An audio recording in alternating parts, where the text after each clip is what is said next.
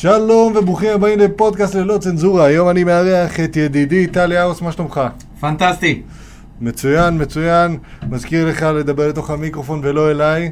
אה, היום אנחנו נדבר בגדול על כלכלה, על כל העולם הפילוסופי של, אה, של הפלות והסיפור הזה, ואנחנו נדבר גם היבטים פילוסופיים של הכלכלה המודרנית, המיתון שבא עלינו לטובה, לרעה, זה אנחנו נחליט כבר היום. ויכול מאוד להיות שיהיו לנו כמה הפתעות, כמובן יש לנו עצות אה, ושאלות אה, מטומטמות בסיום כמו שאנחנו אוהבים, זה אה, נהיה המנטרה שלנו. אני מבקש מכל מי שמצטרף אלינו לתת לנו לייק, comment, share ו subscribe לכל הפלטפורמות שלנו, פייסבוק, יוטיוב, אינסטגרם, גוגל פודקאסט, אפל פודקאסט, Mixcloud, וגם כמובן להיכנס לאתר שלנו noncensorship.com, שם אתם יכולים לשלוח לנו עצה, שאלה מטומטמת או כל מה שתרצו לשמוע עליו מענה. אז uh, ספר לנו עוד, עוד פעם על עצמך, היית פה לפני משהו כמו 30 פרקים אני מניח? כמה חודשים. כן, כמה חודשים טובים, אנחנו מקליטים משהו כמו פרק אחד בשבוע, בממוצע.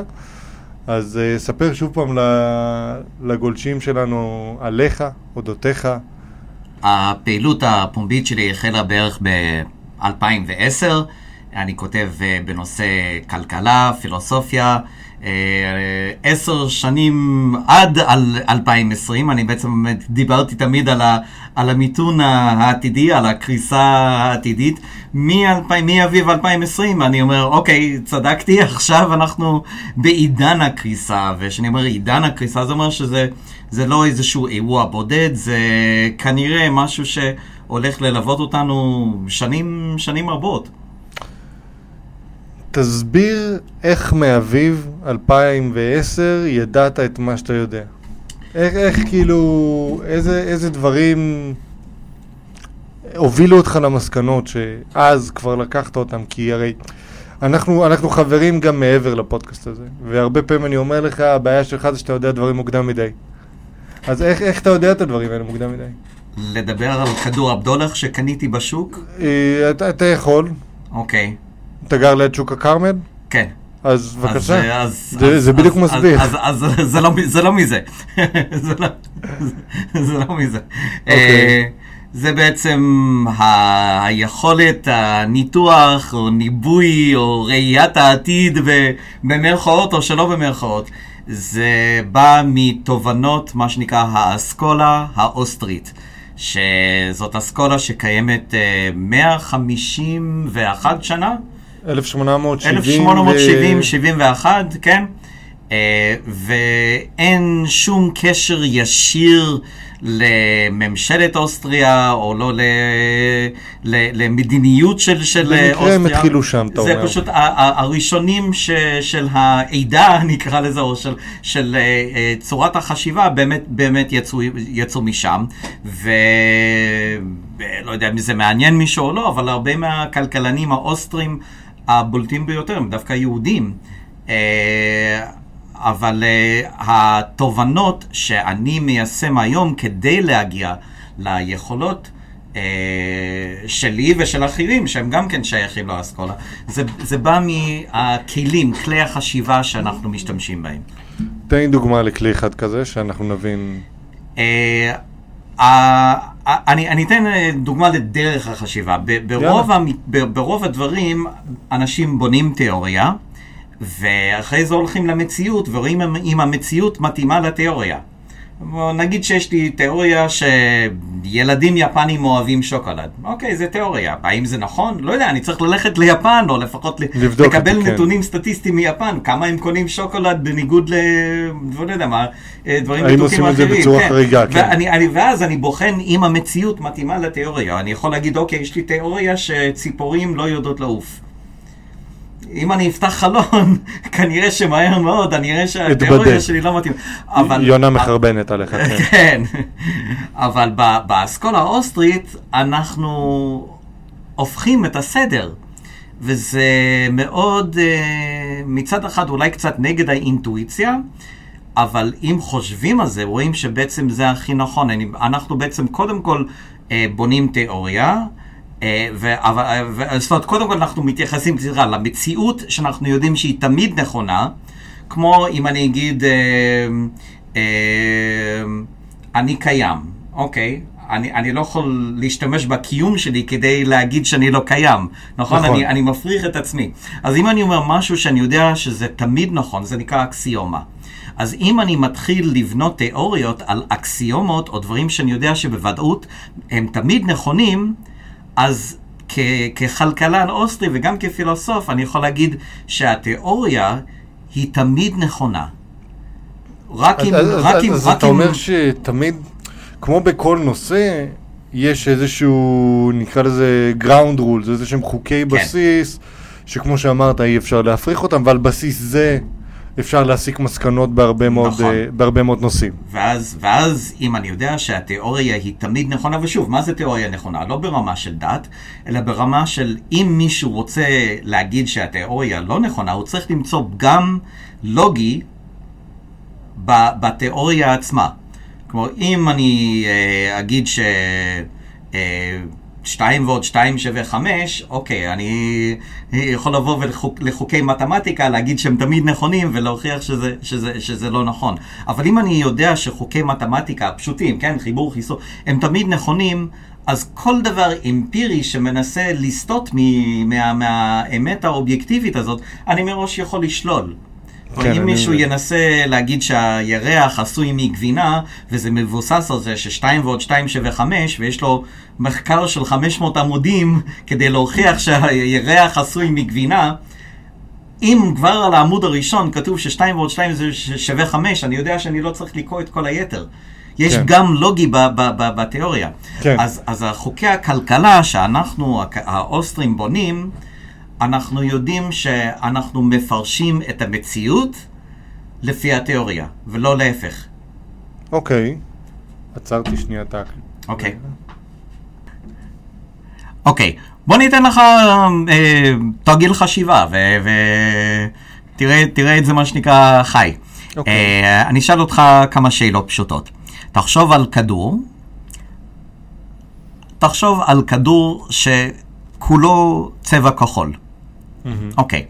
האם הכדור יכול להיות צבע כחול עם נקודה אדומה? אם כולו כחול אז לא. אוקיי, אבל כו- כולו כחול חוץ מהנקודה, יכול להיות אה, עם נקודה אדומה. כחול, אבל אה, חוץ מנקודה אדומה. בטח שהוא יכול. אוקיי, אז האם יכול להיות כדור שכולו כחול וגם כולו אדום? לא. לא יכול. הגיונית, לא יכול. אוקיי. אלא אם כן הכדור סגול, ואז... זה אה, כן, אבל, נכון, אבל סגול זה עדיין זה צבע אחר. נכון שסגול כן. זה, זה אה, שניהם ביחד, אבל עדיין זה צבע אחר. אוקיי, אז יש לנו, שימו לב, מסקנה לוגית, שבעצם לא, לא הלכנו ובדקנו שום כדור אמפירי, שום כדור בעולם האמיתי. פיזי, כן. אוקיי, אז האם אה, אתה צריך ללכת ולבדוק את כל הכדורים ביקום כדי לדעת שהתיאוריה נכונה? לא. לא, אין צורך. שלא. אין צורך, אוקיי. ככה פועל כלכלן אוסטרי. הוא בוחן דברים שהוא יכול לדעת בוודאות או בצורה של אקסיומה. אקסיומה זה בעצם הצהרה שעצם הניסיון להתווכח עם האקסיומה אה, מפריך את המתווכח. כי אם אני אגיד, אני לא קיים, השתמשתי בקיום שלי כדי לנסות לה- להגיד שאני לא קיים, הפרחתי את עצמי מעצם זה שניסיתי לטעון. נכון. אז, אז אה, אה, עכשיו, הדוגמה השנייה זה כמו מה שעשינו עכשיו עם הכדור. אוקיי, אתה יכול להגיד שכדור יכול להיות אה, אדום וכחול, אבל אמפירית זה לא יכול להיות, הוא לא יכול להיות כולו אדום וכולו כחול. ככה פועל אה, כלכלן אוסטרי, הוא מחפש דברים שהוא יודע שהם תמיד נכונים, ואז הוא אומר, המציאות חייבת להתפרש לפי מה שתמיד נכון. עכשיו, האם באופן לוגי או באופן אקסיומטי אנחנו יכולים לדעת הכל על העולם? לא. ברור שלא. כמו ששאלנו קודם לגבי הילדים אם הם אוהבים, והיפנים אם, אם הם אוהבים שוקולד. אין שום, אין כן. שום דרך לדעת אה, רק לפי לוגיקה האם, אה, האם זה, זה נכון, אבל האם לחסון ופצצות אטום גורם לך לאהוב שוקולד? וכן.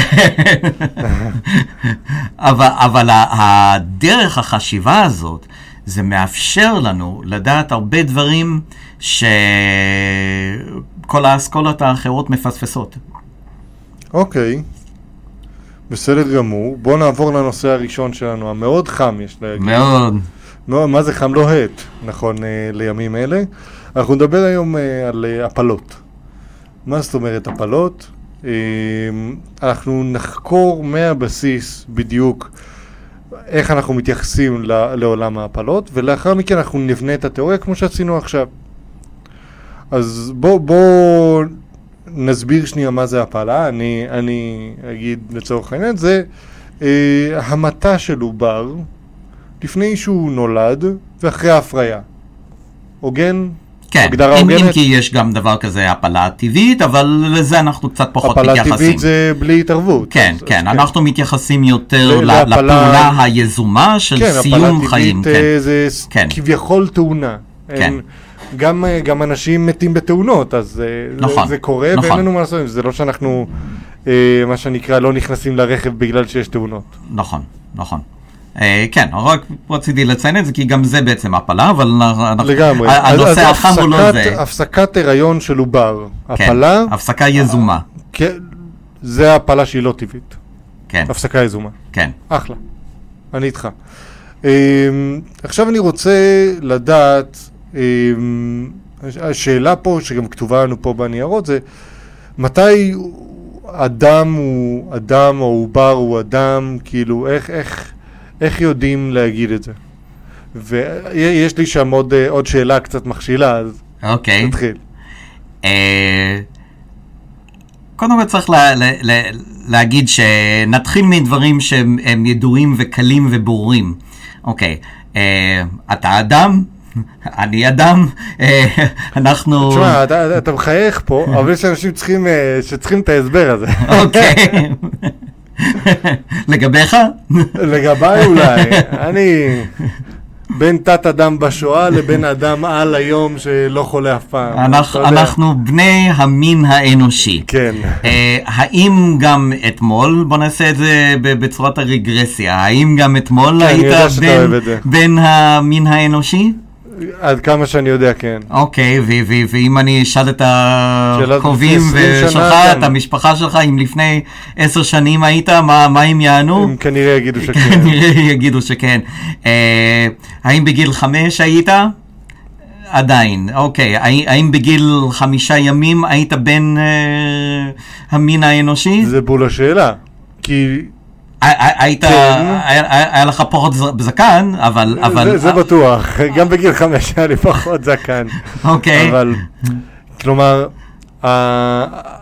נקרא לזה המחשבה הנגדית כלפי עניין מההפריה הוא אדם, אומרת, אה, אומרת רק משלב שבו יש לעובר איזושהי תודעה, וזה משהו שאי אפשר למדוד אותו, כי יכול להיות שאין לו תודעה עד גיל שנתיים, מה אז אפשר לרצוח תינוקות?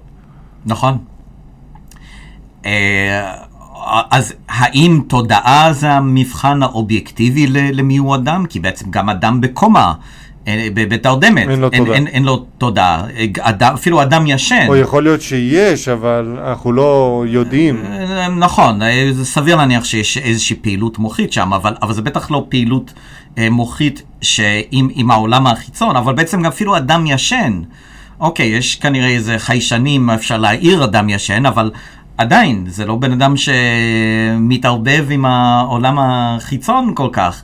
אה, אז האם זה מבחן אובייקטיבי ל... ל אה, כבן המין האנושי, אני טוען שזה לא, זה... זה כי זה, בן זה, אדם, גם שהוא ישן הוא בן המין האנושי, או גם שהוא נכון, בקומו הוא בן המין האנושי. בדיוק.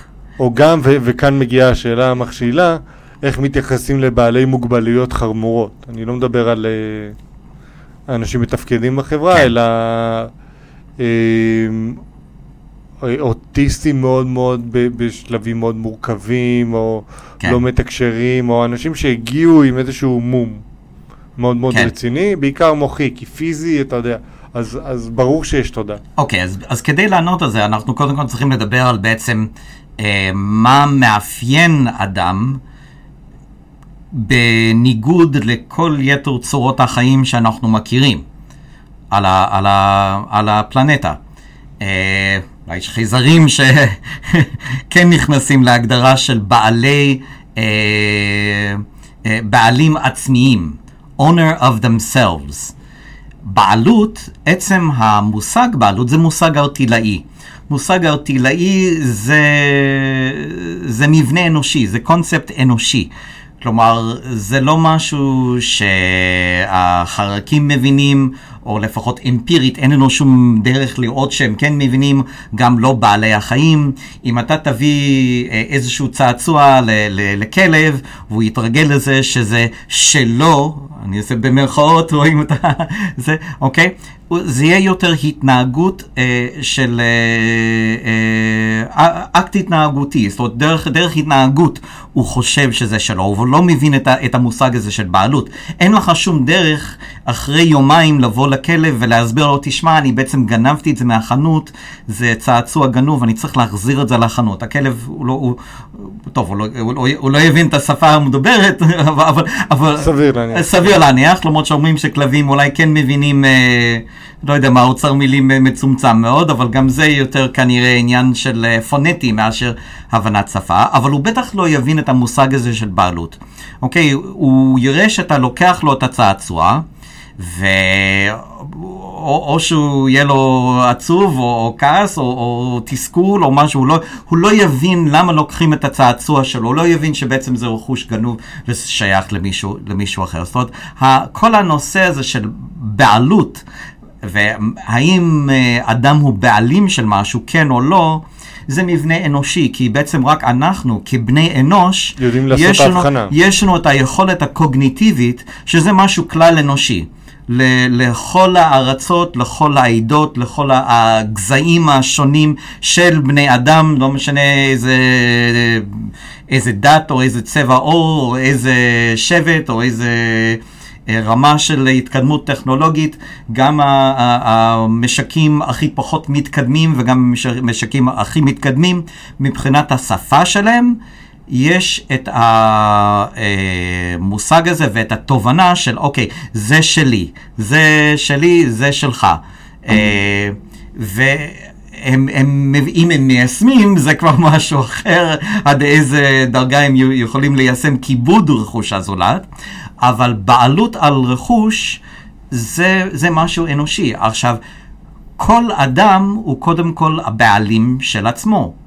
יש אנשים שמאוד מאוד uh, כועסים שאני אומר את זה, ואני לא יודע למה, כי בעצם אני אומר, אוקיי, הגוף הזה, שאתה כרגע מפעיל אותו, אם זה ידיים, אוזניים, עיניים, ואין שום ישות אחרת שישבה בתוך המבנה הפיזי הזה, חוץ מסער.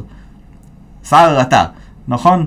אלא אם כן בן אדם אה, עם סכיזופרניה, זה סיפור אחר. אה, וגם אז אותו ישות עם כמה פיצולים בתוך הישות. כן. גם אז, אוקיי? זאת אומרת, אם היה לי דרך, אה, כמו ב- לפעמים בסרטים, ה, לא יודע מה, האימה או המדע הבדיוני, אה, לפלוש ל... ל, ל המבנה הפיזי הזה שנקרא שר ולהשתלט עליו, ואחרי זה לעשות כל מיני פעולות, מה שנקרא, בשבילך, כי אוקיי, כולם רואים שר, זה בעצם יהיה הפרת רכוש. זה, זה הרכוש שלך, בדיוק כמו שאם אתה אה, קונה אה, מחשב, זה המחשב שלך, אתה, אתה רכשת אותו ביושר. אם אתה בונה משהו, יש מאין שאף אחד לא היה בעלים של זה קודם, זה שלך. איך בן אדם הופך להיות אה, בעלים של רכוש? יש בעצם רק שתי דרכים. או בעסקה מרצון, שבעצם בן אדם אחד מוותר על הרכוש שלו מרצון למישהו אחר. בתמורה ל... בתמורה לכל דבר שמסכימים. לא בתמורה. אה, כן, אבל, לא גם, בתמורה. אבל גם זה עסקה, גם תרומה זה עסקה מרצון, נכון, רק, עם, נכון. רק, עם, רק עם אפס, אה, נגיד לזה תמורה כספית, אבל, כן. אבל התמורה היא אחרת, תמורה היא, לא יודע מה, הרגשה טובה. נכון. או בזה שאדם מערבב את היזע שלו עם היקום באופן שמייצר זיקה אה, שלא הייתה קודם. זה נשמע קצת אמורפי, אז אני אגיד, בוא נגיד שאתה. בא ליער שלא היה אף אחד שם קודם, ויש שם עצים, ואתה חוטב עצים, ואתה בונה לעצמך בית, ושוב, אף אחד לא היה שם לפניך. אז אתה בעצם מערבב את היזע שלך, אוקיי? העמל הפיזי שלך, באופן שיוצר זיקה מיוחדת אל קיים ביקום. אוקיי? זאת אומרת, אגב, אף אם אחד... אני לא טועה, יש, יש על זה גם אה, חוק בישראל. טוב, חוקים של ממשלה זה דברים שרירותיים, שיכולים ברור. במידה כזאת או אחרת אה, להתאים לפילוסופיה, אבל בעצם פה אנחנו... שכאילו שמעתי על זה שאם נגיד אתה מגיע לאיזושהי נחלה, אתה בונה שם משהו, ואף אחד לא הבריח אותך במשך, לא יודע, שנתיים או משהו בסגנון הזה, אף אחד לא בא לך, היי גבר, מה קורה? מהמם. אז אה, כאילו היא הופכת לשלך ברמה מסוימת. בצדק. שמעתי. אני לא יודע מה החוק אה, ה- ה- היבש הממשל- הטטיסטי הממשלתי אומר לגבי זה, אבל אם זה ככה, זה- זה נכון מבחינה פילוסופית. עכשיו, תחשוב שאתה נמצא על, על איזשהו חוף אה, אינסופי, של מה שנקרא טריליוני קילומטרים של, של, של חוף, ואתה מחליט להרים גרגיר אחד של חול. בין האצבעות ככה, אוקיי? זה הגרגיר שלך. אתה לקחת גרגיר והפכת אותו לרכוש שלך בזה שהרמת אותו, הוא לא היה של אף אחד קודם. ומה תעשה עם הגרגיר הזה? לא יודע, אין לי מושג הרבה, אחר, אבל, כן. אבל נגיד שאוקיי, אני עכשיו בא אל החוף, ושוב, זה חוף של, של טריליוני קילומטרים אינסופיים, ודווקא אני אומר, אוקיי, זה נכון שיש פה עוד uh, טריליונים בחזקת טריליונים של, של, של חול, אבל אני רוצה את הגרגיר שלך, כי לא יודע מה, בא, בא לי עליו. האם מותר לי לבוא עם אלימות או איומים או הונאה ולקחת את הגרגיר שלך? פחות. לא. אוקיי? וזה לא משנה אם יש עוד טריליוני גרגירים, זה, זה, זה הגרגיר שלך. אוקיי. אתה יכול לשים אותו בכיס כדי שתדע שזה, אוקיי, זה, זה הגרגיר שלך. אה, אז אם לחזור ל, ל, לבעלות המקורי, עצמית, מהרגע שאתה קיים, שגם אנחנו צריכים לדבר, אוקיי, מה זה הקיום הזה, יש ישות שנקרא שר, ואפילו שהיית אה, אה, עובר, עדיין זה היה ישות אה, אחת שהיה בתוך הגוף הפיזי הזה, שגדל בתוך הרחם, שנקרא שר, לא היה ישות, שום ישות אחרת. נכון שהיית תלוי ב, ב, בהתחלה רק באימא, ואחרי זה בהורים כדי להאכיל אותך, אבל עדיין, בתוך הישות הפיזית הזאת, שאתה אה, מאכלס, לא היה שום ישות אחרת, ואם מישהו ינסה לפלוש את זה, שוב, לפי הסרטי מדע הבדיוני או סרטי האימה, זאת תהיה הפרעת רכוש. אתה הבעלים של עצמך, שזה אומר לא רק שאסור לי להחרים אחת מהעיניים שלך עם כפית כדי לתת לבן אדם עיוור, בשם השוויון כמובן. אין עליו שוויון. אה, כן, אבל בינינו יש לך שתי עיניים. כן. לפי הערכים הסוציאליסטיים הראויים, אתה צריך לתת אחת לבן אדם עיוור. זה נכון, זה נכון. תכלס, אתה יכול, אתה, יכול, אתה יכול לחיות עם עין אחת. הוא יחיה הרבה יותר טוב עם עין אחת מאשר עם אפס עיניים. כן, אבל מה לעשות, שתי העיניים שלך זה הרכוש הפרטי שלך. כן. אם אתה רוצה, אם, אם. אתה רוצה למכור כליה או עין או כל איבר אה, אחר מה, מהישות הזאת שנקרא שר, מותר לך, אבל זה הרכוש שלך. כן. אה, אז אדם הוא הבעלים של עצמו. אוקיי, מעולה. אז אם אתה בעלים של עצמך כן. אה, כרגע בגילך הנוכחי, והיית גם בעלים של עצמך אתמול, וגם לפני זה, וגם בגיל חמש, וגם בגיל חמישה ימים, בעצם מי שרוצה להגיד שאדם באיזשהו שלב של קיומו הוא לא הבעלים של עצמו, הוא צריך לבוא עם, עם טיעון חזק מאוד, מדוע לא. אוקיי, אז, אז נגיד ו, והסכמנו על זה ש... סליחה, שנינו יודעים עכשיו שאדם הוא בעלים של עצמו גם בגיל חמישה ימים, לצורך העניין. למרות שעדיין לא התפתחה אצלו תודעה מסוימת או משהו בסגנון הזה, אנחנו יודעים שזה עניין של זמן עד שאכן תתפתח אחת כזאת. כן, למרות שאפילו בגיל של יום, תינוק יודע לבכות שהוא רוצה משהו. כן, זה כן. זה רמת היכולת שלו לתקשר עם העולם, אבל, אבל, ברור. אבל, אבל תודעה, אפילו לפני תוד- גיל תודעה יום. ביולוגית קיימת. אפילו לפני גיל יום, הרי ברגע שיש להם מיתרי קול הם יודעים לבכות. כן, כן. והילד, וה- והתינוק, בן יומו, הוא יודע כשמשהו לא מוצא חן בעיניו. כמובן, עם הזמן הוא לומד את השפה האנושית, אבל, אבל זה, זה, אלה עובדות ביולוגיות, אבל זה לא משנה עובדות פילוסופיות של, של בעלות עצמית. אז אם זה נכון אפילו ליום הראשון אחרי שנולד, מה שונה ביום שלפני שנולד? זה פשוט הוא עובר חדר. כן, טכנית אתה צודק, כן. הוא עובר חדר טכנית, כן. אני, אני מסכים איתך, השאלה היא... ו, ושאלה, כלומר, כששואלים אותי הרבה פעמים, אומרים לי, תשמע, הפלה צריכה להיות מותרת והכל, אמרתי, אין בעיה. הפלה צריכה להיות מותרת, גופה של האישה, כל הבלבולי תחת האלה. בסדר? כן, אבל זה בעצם הקשר. וזה הקשר, ואני טוען שאין בעיה. זה הפלה, זה בסך הכל זה החיים שלכם וזה החיים של הילדים שלכם. אבל זה גם רצח. כן. זה רצח או לכל הפחות הריגה. זה, זה רצח. זה לא, צריך להבדיל בין הריגה ורצח. רצח זה... המתה, לא סתם עם, לא סתם עם, עם כוונה, עם, עם uh, uh, מימד של הפרת רכוש הזולת. אוקיי? Okay? אוקיי. Okay. כי אם uh, אתה רץ אליי עם סכין ואומר, אני אהרוג אותך, אני אהרוג אותך, ואני מצליח לראות בך קודם, אז אני באופן יזום הרגתי אותך, אבל לא רצחתי אותך. Mm. אוקיי. Okay. או עם uh, מה שנקרא המתת חסד, שזה בהסכמה ואפילו בהזמנה של, של האדם שרוצה למות, זה לא רצח. כן. אוקיי, אז, אז uh, רצח זה המתה uh, שמהווה הפרת רכוש הזולת. פשע. כן. פשע מוסרי.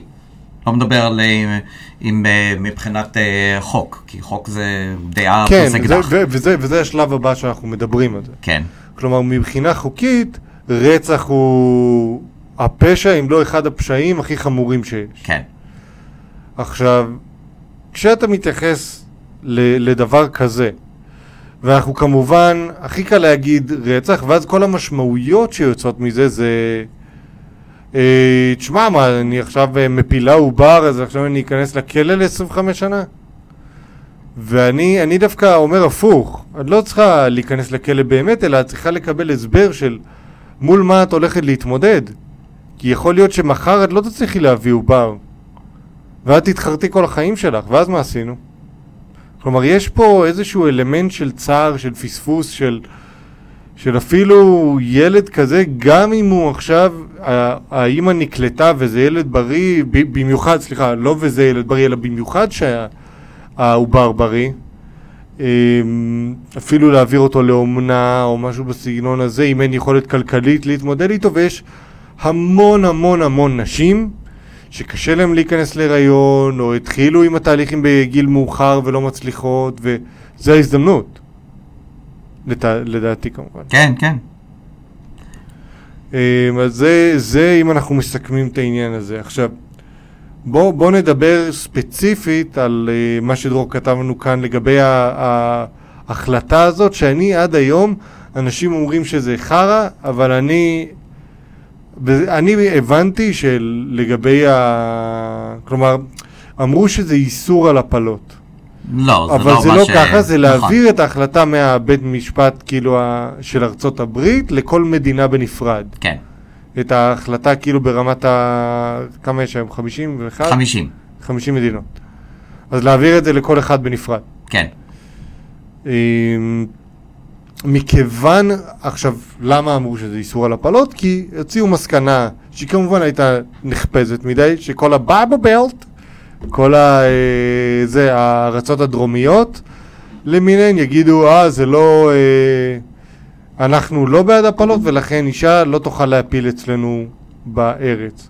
כשלמעשה, אם מישהי באמת רוצה, היא יכולה לנסוע לארץ אחרת, שהיא כביכול יותר מערבית ויותר שוויונית, ויאפשרו לה להפיל שם. כן, כי זה, זה הדעה הרווחת. נכון, זו, זו, זאת, זה, מה שאמרת עכשיו זה בדיוק מהות ההחלטה.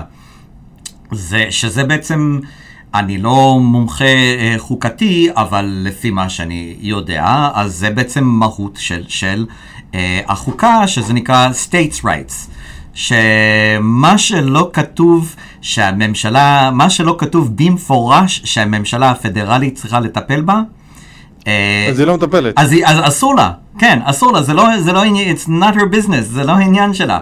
אז uh, האם יש uh, התקדמות מסוימת אל, אל חופש, אל שוק חופשי, בזה שבמקום שההחלטה היא ברמה הגג פדרלית לגבי כל החמישים מדינות, שעכשיו יש לפחות חמישים ישויות uh, uh, נפרדות שהאזרחים המקומיים בכל מדינה יכולים להחליט, כן, זה, זה ביזור, זה ביזור.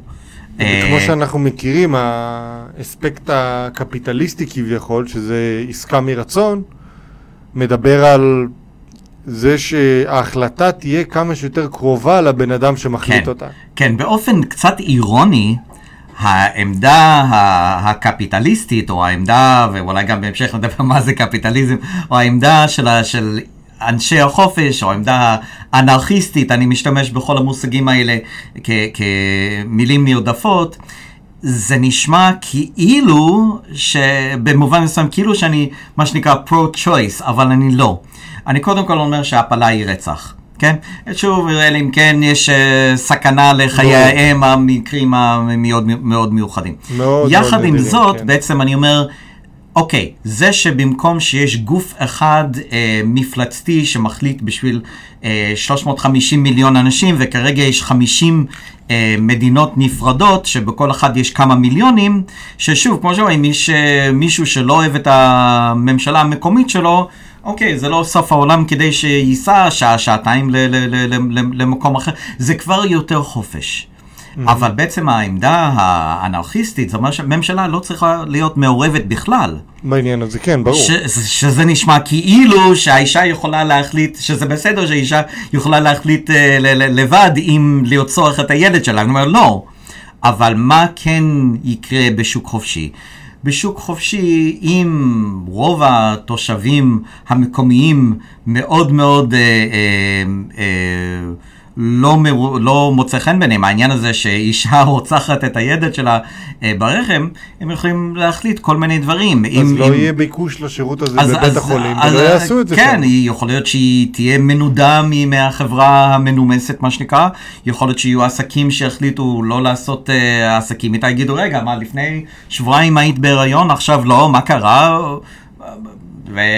זאת אומרת, זה עדיין החלטה שלהם כמובן. אה, זה עדיין ההחלטה שלהם, אוקיי? ואם נגיד יהיה לי איזה שכן אה, מאוד מאוד אה, דתי שיגיד, אה, לא, זה פשע נגד הדת שלי ואנחנו צריכים לק... לקחת את האישה הזאת ולשים אותה בבית סוהר, אני בתור השכן יכול להגיד, אוקיי, אני מכיר בזה שזה רצח, אבל... מה זה יתרום בזה שאני צריך עכשיו לממן את הכלייה שלה? האם זה משהו שאני מעוניין בו? אני אישית לא. אה, זה, בקיצור, זה, זה יהיה עניין של, של כוחות שוק. איך לטפל בזה, איך להתייחס לזה.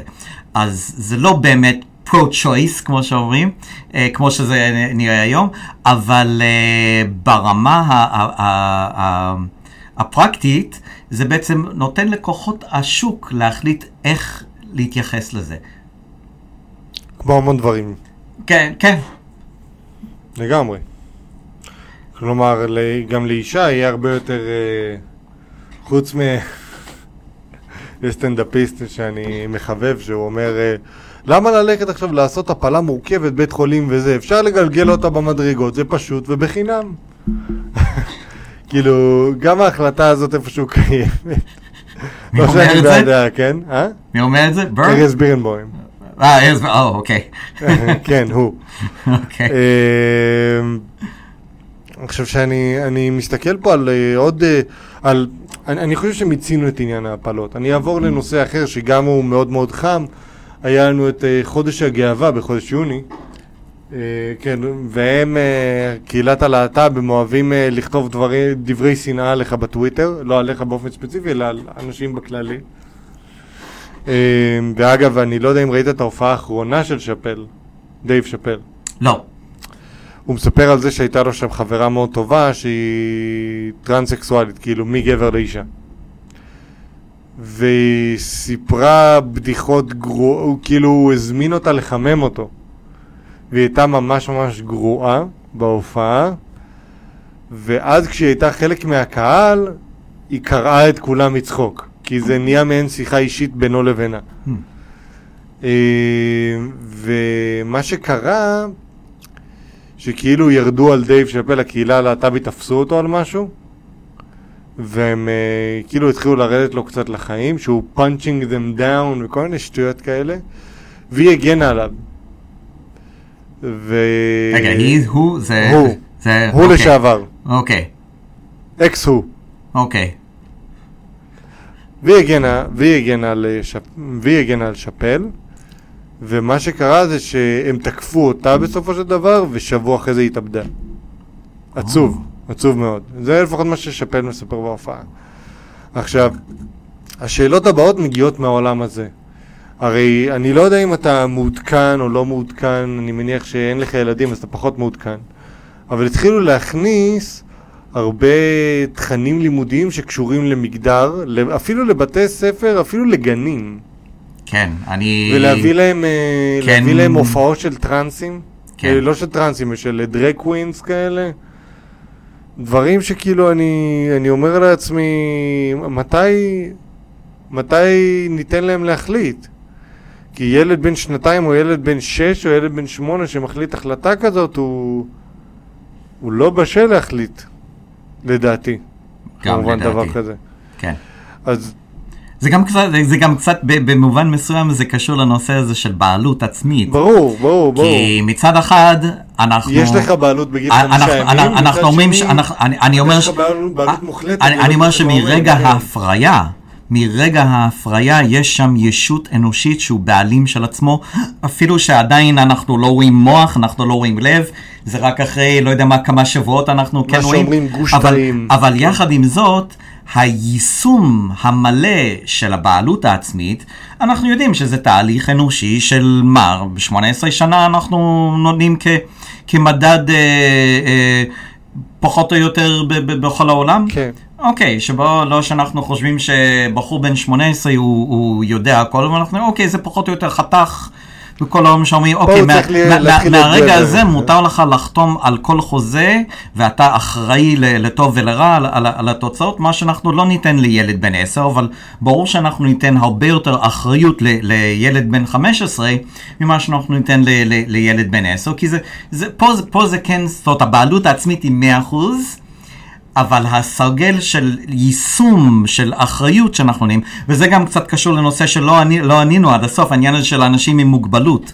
אוקיי, אם יש בן אדם שהוא הוא מוגבל במובן הזה שבאמת מבחינת פיגור שכ- שכלי, הוא לא יודע שהוא מרביץ למישהו אחר וזה לא יפה, הוא לא יודע, אוקיי, אז עדיין הוא הבעלים של עצמו, רק הוא קודם כל מתחיל מ-100%, הוא לא מתחיל מאפס, ואנחנו יכולים להגיד, אוקיי, בגלל שהוא סכנה לעצמו ולאחרים, ניתן לו רק 70 אחוז, נגיד, יכולת אה, לחופש, כי, כי הוא, לא, הוא, הוא באמת לא מבין.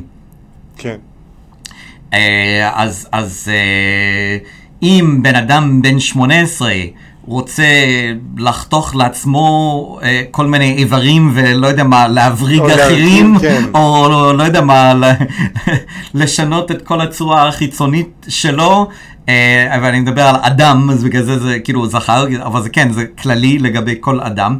אה, מותר, אבל להחליט דברים שעשויים, עלולים להיות מה שנקרא אה, משנים אה, מציאות לכל החיים באופן שבו יכולים להסב נזק ועדיין המוח של הקטין לא בשל לקחת החלטות כאלה, אז ברור ש... ש... אוקיי, לא, לא, לא לאפשר, כמו שאנחנו לא ניתן לאדם בן חמש להחליט אם הוא רוצה לקיים יחסי מין או לא. הוא לא בשל. הוא בעלים של עצמו, אבל הוא לא בשל להחליט החלטה כזאת. אוקיי. מעניין. מעניין בהחלט. יש, אה, דרור שלח לי לגבי, אני, זה בעמוד השני שלנו, כן. לגבי אה, ראיון עם רופאה מוסמכת שמנפיקה מרשמים ומצאה תהליכי שינוי מין לילדים. שאלה שלי אליך היא מתי, אם בכלל, תהליך כזה הוא לגיטימי, כי אנחנו מדברים פה, דיברנו, נגיד, דיברת עכשיו על פיגור שכלי.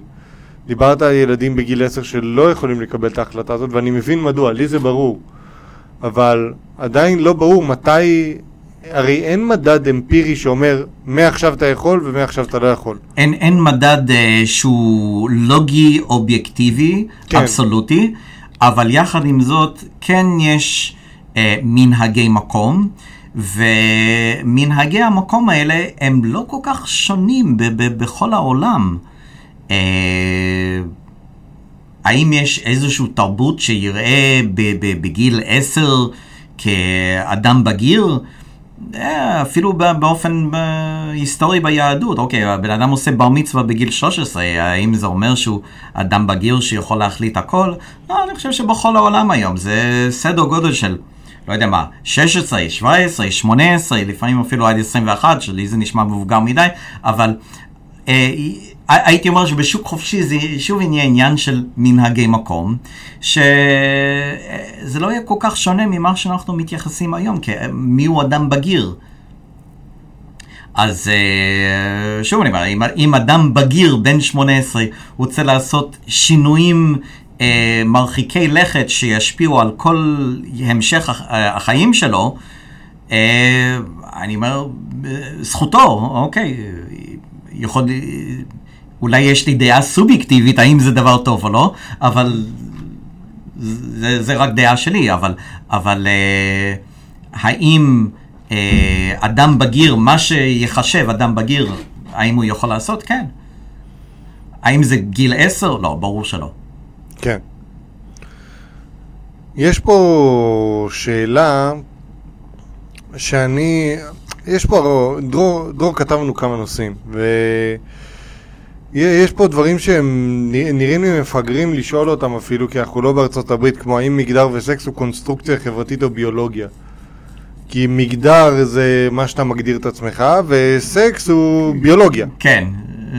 אבל אם אנחנו, השאלה שאחריה, שדרור כתב, היא מעניינת אותי. למה אנשים שתומכים בקהילה הלהט"בית, לדעתך, לא מסוגלים להגדיר אישה, את המושג אישה? אה, כי אולי זה נוח להם הבלבול, אני לא יודע. אני- כי- זה- זה גם מה שאני חושב. אה, אתה בעצמך אמרת את זה, שאם אם, אה, איך שאדם רואה את עצמו, אה, אדם שהוא ביולוגית גבר יכול אה, להרגיש אישה, הוא יכול לעשות שינויים קוסמטיים כמה שהוא ירצה אה, אה, להיראות או לדבר כמו אישה, להתנהג כמו אישה, אבל זה עדיין לא אישה. אז זה, זה אובייקטיבי. כן, הוא לא יכול להיכנס להיריון. הוא לא יכול להיכנס להיריון. זה... כן, אבל זה, אם- לא שאלה של מה זה אישה, אלא אתה, אתה חושב שזה בגלל שזה נוח יחסית? אני, אני כדי חושב ש... ליצור את הבלבול הזה? אני חושב שזה קשור ל... לאידיאולוגיה כללית יותר, שאני חושב שהרבה מאנשי הקהילה לא מבינים שהם בשר תותחים לאידיאולוגיות אפלות. שזה אני קורא עוד לזה... רגע אנחנו זה- נגיע לזה, עוד רגע אנחנו נגיע לזה וגם נדבר על המונחי בסיס. אוקיי, אז, אז אנחנו, הנה, אני עכשיו רושם לעצמי פה, אני, הופה, סליחה. אוקיי. אני אקח את העט שלי. והנה, אני רושם כאן. אני... נרשום כאן אידיאולוגיות אפלות. אוקיי. מצוין. אז... אה, הנה, יש לנו גם אה, שאלה על סדר עולמי חדש, משהו כיפי. אה, אוקיי. אה, אנחנו אוהבים אותם. אה, אז, אז, אז בגלל שזה נוח ובגלל שהם בשר תותחים וקל מאוד להשפיע עליהם. עכשיו, אני, אני אסביר את העולם הזה כי אני, אני ניזונתי ממך במשהו וחקרתי אותו קצת, את כל העולם של... אה, אה, איך קוראים לזה? נו, אה, אסכולת פרנקפורט. אתה מכיר. כן, בהחלט. עכשיו קראתי קצת, חלק ממה שאתה כתבת, ואז אמרתי, טוב, אני אחקור את זה, והמטרה שלהם באסכולה זה היה לבדוק איך אפשר להפוך בני אדם לנשלטים. ואחד מהם, כאילו, מה זה אחד מהם? היה להם, הם היו צריכים להפר את כל החלקים הכי בסיסיים בהתקיימות האנושית עד אז. זה היה מין, משפחה, דת, זה בטוח, והיו עוד שני גורמים לדעתי. כן, אבל, אבל הכי... אה, הכי שורשי, הכי, החלק הכי עמוק. זאת אומרת, אם אתה רוצה אה, להשמיד חברה או משק מבפנים, הדרך הבטוחה ביותר לעשות את זה, זה אה, לטשטש ולרסק את איתנות התא המשפחתי. כן, משפחה. כן. אמרת את זה, אבל, אבל אני אומר, זה, זה בעצם הכי שורשי. ואם תבדוק מה ה, המרקסיסטים, או אני קורא לזה המרקסיסטים התרבותיים, כי הם בעצם הם משתמשים בכל מיני היבטים של, של, ה, של התרבות הקיימת כדי אה, להפוך את זה מבפנים. אז הם תוקפים את איתנות התא המשפחתי המסורתי. המסורתי, כן. אני לא מתכוון מבחינת דת, אלא מבחינה ביולוגית, אבא- כן? אבא, אמא, אה. אה, זכר, נקבה, אימא ואבא מגדלים את, ילדי, את, את הילדים הביולוגיים שלהם. כן. שזה אוקיי. ה, זה, זה המבנה הבסיסי. אחלה. אה, בוא... שנייה אחת, אני, אני ככה נזכר פה בשאלות. טוב, זה השלב שלדעתי כדאי לנו לעשות איזושהי הגדרה של המונחי בסיס. כי יש פה עוד כמה שאלות שהן קריטיות ומעניינות, כן. אבל לפני שיודעים את המושגי בסיס אי אפשר לענות עליהם או להיכנס אליהם. אז תן לנו את המושגי בסיס. אוקיי, יש, אה, יש כמה שהם הכי חשובים, הכי, הכי שימושיים, הכי בסיסיים והכי שומעים עליהם כל הזמן. אה, קפיטליזם. החזירי הזה. כן, בצורת חזיר. four letter word, שעם יותר מארבע אותיות בכל השפות, אבל עדיין, אה, מה זה קפיטליזם? אין, אין כמעט אה, יום שבו אני לא רואה שמשתמשים במונח הזה לא נכון. באופן, ב- באופן לא נכון, או כמו שאני אוהב להגיד, אם, אם היה לי... אה, שקל על כל פעם שמשתמשים בקפיטליזם בצורה לא נכונה, הייתי קפ- קפיטליסט חזירי. נכון.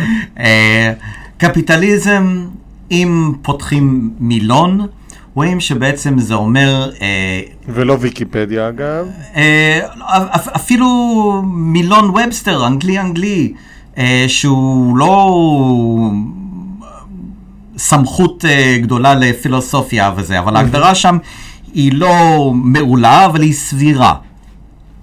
אז אבל אני אומר, קודם כל לראות שאוקיי, האם אני ממציא הגדרות משלי או... עוד לא. אה, עוד לא. אז, אז קפיטליזם, אפילו לפי ההגדרה במילון ובסטר, זה אומר מסחר בין אנשים אה, שמתנהל באופן של, של אינדיבידואלים ועסקים, בניגוד להחלטה על ידי ממשלות. כן? כן, מילה במילה? אה, פחות או יותר. כן, כלומר, כן. רשמת no, no cohesive, או משהו אוקיי, כזה, trade. עכשיו אם אני, אם אני אומר את זה, מפרש, לא מ- מפרש, מסביר את זה מסחר- באופן מסחר לא פילוסופי. יותר ברור, כן. זה בעצם אומר עסקאות מרצון. עכשיו, מה זה מרצון? מרצון זה אומר היעדר כפייה. כן. מה זה כפייה? כפייה זה אומר אה, הפרת רכוש הזולת, שדיברנו על זה. שדיברנו על זה מקודם, אוקיי? כן. עכשיו, אם אה, אני בא ואני אומר לך, שר, אה, אני מוכן להיות חבר שלך רק אם תשלם לי אלף שקל כל יום, מותר לך להסכים, מותר לך לא להסכים. זה עסקה מרצון, אני לא, אני לא כופה עליך שום דבר. נכון. אוקיי, גם אם אתה צריך למכור את הבית ולהיכנס לחובות כדי להיות חבר שלי, כי הסכמת. אוקיי? Mm-hmm. או דוגמה שנתתי לא מזמן באחת ההרצאות שלי, זה נגיד מישהו נתקע עם הרכב אה, באמצע נסיעה לאילת, באמצע שום מקום, ועובר טכנאי, ועובר אה, אה, מוסכניק, ואומר, שמע, אני יכול לתקן את הרכב אה, 5,000 שקל. ובן אדם אמר, רגע, מה, זה, זה היה עולה לי רק אלף שקל במוסך. הוא אומר, כן, אבל... בוא, אני גם בדרך לחופשה. אתה, רוצה, אתה רוצה, אני מציע לך שירות, מותר לך להסכים, מותר לך לא להסכים. עכשיו, אפשר להגיד שהמוסכניק בן אדם טוב, בן אדם לא טוב, אפשר להגיד עליו מה שרוצים, אבל העסקה עצמה זה, זה עסקה מרצון. הסכמה. אוקיי, המוסכניק שבמקרה עובר, אלא אם כן הוא, לא יודע מה, חיבל ברכב בצורה מסוימת. מה זה הפרת רכוש אה, פרטי? בדיוק, אבל אבל הוא בעצם, הוא רק מציע לו עסקה. עכשיו, מדוע לא היה לבן אדם אה, שנתקע, לא היה לו, אה, אה, לא יודע לא יודע, מה. שירות גרירה או, או ביטוח או משהו כזה. או זה, אה, אבל שוב, זה, זה עסקה מרצון. זאת אומרת, לא כל עסקה מרצון זה בהכרח אה, עסקה שאנחנו מאוד מאוד רוצים ל, ל, לעשות אותה, אבל זה תמיד עסקה שאנחנו מעדיפים על פני ברירה אחרת. הברירה של לא לעשות את, את העסקה. כן. אוקיי, האם אתה רוצה לשלם יותר עבור דלק? לא, אבל אתה מעדיף לשלם יותר מאשר לא לנסוע עם. הרכב. נכון. אה, למרות שאוקיי, כל עסקי הנפט זה לא בדיוק עסקי, אבל זה, לאט, זה, זה לאט. משהו. אז קפיטליזם זה עסקאות מרצון. מרצון אמרנו היעדר כפייה. כפייה זה אלימות יזומה או איום בכך. או גם איום, בכך. גם איום. אוקיי? כי אם אני בא ואני אומר לך, אה, אתה רוצה להיות חבר שלי, תשלם לי אלף שקל, מותר לך לא להסכים. אם אני בא ואומר לך, אם לא תשלם. אם לא, רגע, רואים את האקדח, אה, אצבעות? כן. אה, אוקיי. רואים. אם אני בא ואומר לך, אם לא תשלם לי אלף שקל, כן. אני בא ומפוצץ לך את הבית, זה איום באלימות, שאם זה איום קונקרטי, שיש לך סיבה להאמין שאני אני באמת מספיק משוגע ליישם את האיום שלי, כן. אה, מותר לך להשתמש בכל אמצעי הגנה כדי להסיר את האיום, אה, אפילו אם צריך להרוג אותי, אם זה באמת איום על החיים שלך ועל בני המשפחה שלך. כן. אוקיי, אז קפיטליזם זה עסקאות מרצון. אין, אין יותר פשוט מ- מ- מלהבין את זה. בסדר גמור. בוא נעבור ל- למונח הנוסף. אוקיי, מונח, אה, יש עוד שני מונחי בבסיס, אה, יש סוציאליזם, שזה בעצם אומר בעלות הממשלה על הכל. כן. זה אפילו שזה- כתוב במילון. ככה כתוב בדיוק במילון. הפוך. זה, זה לא הפוך, אבל זה... שונה לגמרי ממה שאנשים חושבים שזה סוציאליזם, שחושבים שזה, שזה חברתי. להיות חברתי. איך גניבה באיומי אקדח והחרמת רכוש הזולת זה חברתי, אני לא יודע. אבל זה מה שזה התודעה שזה הפך להיות. כאילו שאם אני אה, גונב ממך ונותן לשכן שלך, אני חברתי. כן. על פי קריטריונים שאתה בחרת. כן. לא דווקא שהשכן שלך עני ממך. אבל ההגדרה של סוציאליזם במילון, שוב, לא ההגדרה שלי, זה בעלות הממשלה או הקולקטיב על על, כל הרכוש. שזה בעצם אומר לקחת רכוש של הזולת ולהחליט שזה רכוש של כולם. אה, אונס קבוצתי זה דוגמה של סוציאליזם, זה החלטה של, של האספסוף שהרכוש של האינדיבידואל, הגוף שלו, זה בעצם של כולם, ומותר לכולם לעשות עם, עם הרכוש הזה מה כן. שהם רוצים. אז אה, האם זה מוסרי? לא, בוודאי שלא. וקומוניזם זה בעצם אותו דבר כמו סוציאליזם. אנשים אומרים, מה, אני בעד סוציאליזם, אבל נגד קומוניזם הוא בעצם, הוא, כן, הוא כי לא הם, יודע. שמעו, כי הם שמעו אחד מהם בהקשר של גרמניה הסוציאליסטית או של אה, רוסיה הקומוניסטית, כן. ומבטלים לפי מה שהם אבל שוב, כן. אם פותחים מילון, אנגלי אנגלי. ובסטר, כן, ובודקים מה ההגדרה של קומוניזם, זה בעצם אותו דבר. אני לא ממציא שום דבר. אנשים אומרים, לא, לא, אתה לא יודע. Open a dictionary. כן. תפתח, אה, תפתח מילון. עכשיו, לודוויג פון מיזיס, אה, כלכלן אה, אוסטרי החשוב והבולט ביותר, הוציא קודם כל מאמר ב-1920, ואחרי זה ספר ב-1922, זאת אומרת, לפני 100 שנה, לפני 102, 100, 102 שנה, שבעצם הוא הוכיח באופן אובייקטיבי ו- ו- וסופי או סופני, אם תרצה, שסוציאליזם הוא לא בר קיימא בעולם האמיתי. הוא לא יכול לקרות. הוא לא, הוא, הוא לא יכול להתקיים. הדבר היחיד שאפשר לעשות זה בצורה של להתקרב, כמו שנקרא אסימפטוטה למי שיודע מתמטיקה.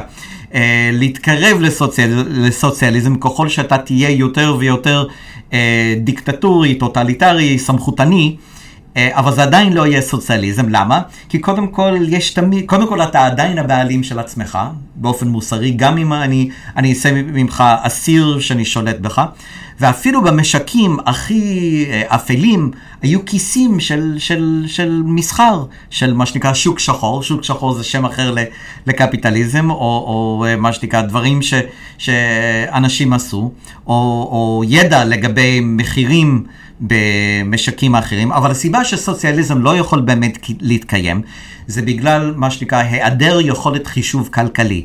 החוסר היכולת לדעת האם הדבר הזה צריך להיות שווה כמו בית, או פי עשרה מבית, או פי מיליונית מבית.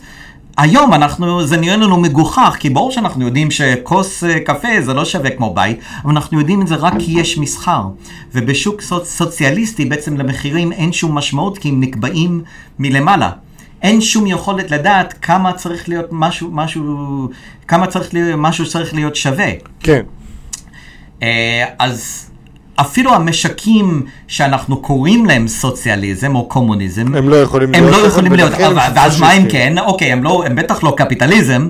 בעצם כשמתגלה שסוציאליזם וקומוניזם לא יכולים להתקיים במציאות, ואפילו לא בתיאוריה. למה הם לא יכולים להתקיים בתיאוריה?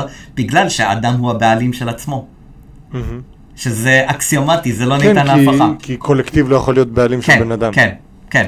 אפילו עם, עם כל הגועל וה- והצער וזה, האנשים שהיו במחנות ריכוז בשואה, הם היו בעלים של עצמם.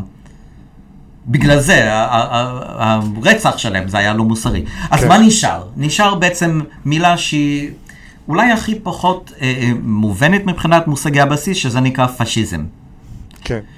שהרבה פעמים אנשים חושבים פשיזם זה אה, חיילים הולכים ברחוב בצעדת ברווז וזה לא, זה, זה לא ההגדרה של פשיזם. פשיזם זה בעצם מצב שבו יש יכולת חישוב כלכלי, יש יכולת לדעת מחירים באופן מסוים, אבל הממשלה עדיין שולטת בשווקים דרך מניפולציה של, של הכסף.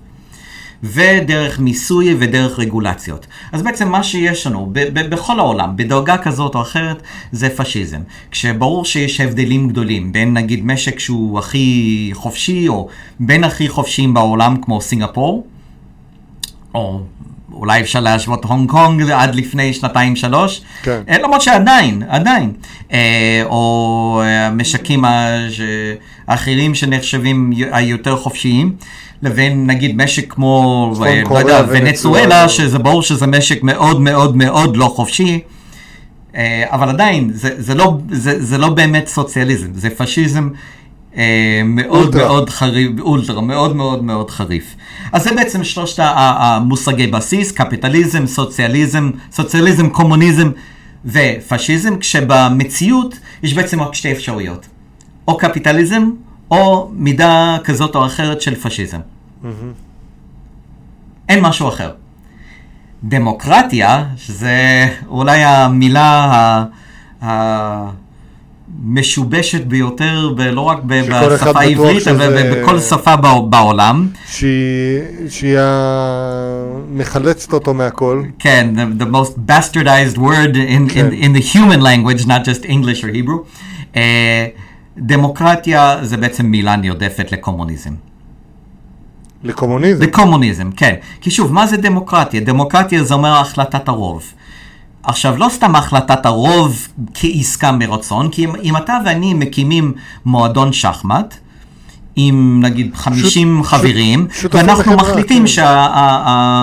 שהצבעת רוב זה מה שיקבע עבור חברי המועדון. כל מי שהסכים להיות חבר במועדון, קיבל על עצמו לקבל את החלטת הרוב לגבי, אוקיי, מה יהיה שעות הפעילות? האם אה, הצבע השחור יהיה מה- שחור או חום? בדיוק. האם אה, מישהו חייב כל הזמן לשחק רק לפי אה, שחור וכאילו, או או לבן. אבל, כן. זאת אומרת, כל דבר שאנחנו נחליט בהחלטת הרוב. עכשיו, זאת החלטה בהצבעה דמוקרטית, אבל שוב, כל מי שבחר להיות במועדון, הוא קיבל על עצמו אה, את, את, את הכללים. אבל זה לא דמוקרטיה במובן שאנחנו מדברים. פה אנחנו מדברים כאילו מה שקורה בממשלה, שכאילו האנשים הולכים לקלפי ומצביעים, וזה החל... זה בעצם כפייה של הרוב על המיעוט.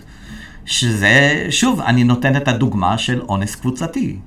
אונס קבוצתי זה דוגמה של דמוקרטיה. הרוב מצביע עבור המיעוט, האינדיבידואל, הרוב מחליט, כן. מה, הרוב, הרוב מחליט בכפייה. האם זה דבר אה, נאור שאנחנו צריכים לשאוף אליו? פחות. לא. כי איש חופש, אני אנטי דמוקרטיה, אני מתעב דמוקרטיה, ומה שמעניין זה שאפילו ה... הממשלות, אני, אם, אם, אני אומר, היותר נאורות בהיסטוריה, אוקיי? אם נקרא לזה, האבות המייסדים של ארה"ב, הם סלדו, סלדו ממש מהרעיון של דמוקרטיה, וזה מופיע ב, בכל הציטוטים שלהם. ולא סתם. ו- ו- ולא סתם, ולא רק זה, המילה דמוקרטיה לא מופיעה אפילו פעם אחת, לא בחוקה של ארה"ב, ולא במגילת העצמאות של ארה"ב. ולא סתם. הצהרת העצמאות של ארה"ב, Declaration of Independence, ולא במקרה. והנשיאים הראשונים של ארה"ב, הם שנאו את הרעיון של דמוקרטיה. הם אומרים את זה במפורש. אם זה ג'פרסון, ואם זה אדמס, ואם זה, נדמה לי, אה, אפילו אה, המילטון, של, שלא היה נשיא. אה, הם אומרים במפורש, דמוקרטיה זה עריצות. אז זה לגבי מושגי uh, בסיס. That being said, כן. איך אומרים? THT, היה לו TBT, אה, TBS. אה, TB זה טוברקולוס, אה, כן, לא חשוב. נ- נגיד שזה מה שאמרת. אני הרבה פעמים שומע, אה, וזה דיברנו על זה לפני הפודקאסט, יש מעין אה, פורנו אסונות נקרא לזה ככה. הרבה פעמים אני שומע את המונח סדר עולמי חדש. כן. עכשיו הבנתי מהבנתי שזה איזה כמה חבר'ה בעולם שהם עושים מה שהם רוצים, כולל להפעיל מדינות, כולל להפעיל מנהיגים וזה. ולפי מה שאני מכיר ממה, ממך, העמדה שלך בעניין זה למה לעשות או להשקיע מאמץ במשהו כשאין לך שליטה עליו. זה חלק מזה, בהחלט. אז, אז דרור כתב לנו פה האם מנסים אה, להגדיר סדר עולם, להג, להכיל סדר עולמי חדש באמצעות מגדר. אני הייתי שואל אותך משהו אחר. האם יש טעם בכלל להיכנס ל, ל, לעולם של סדר עולמי חדש? אני חושב שלעסוק בזה, או בוא נקרא, לעסוק בעיקר בזה, כל מיני, כל המדינת זה, ישראל היא זה, תאגיד. זה יותר גרוע מבזבוז זמן. אוקיי?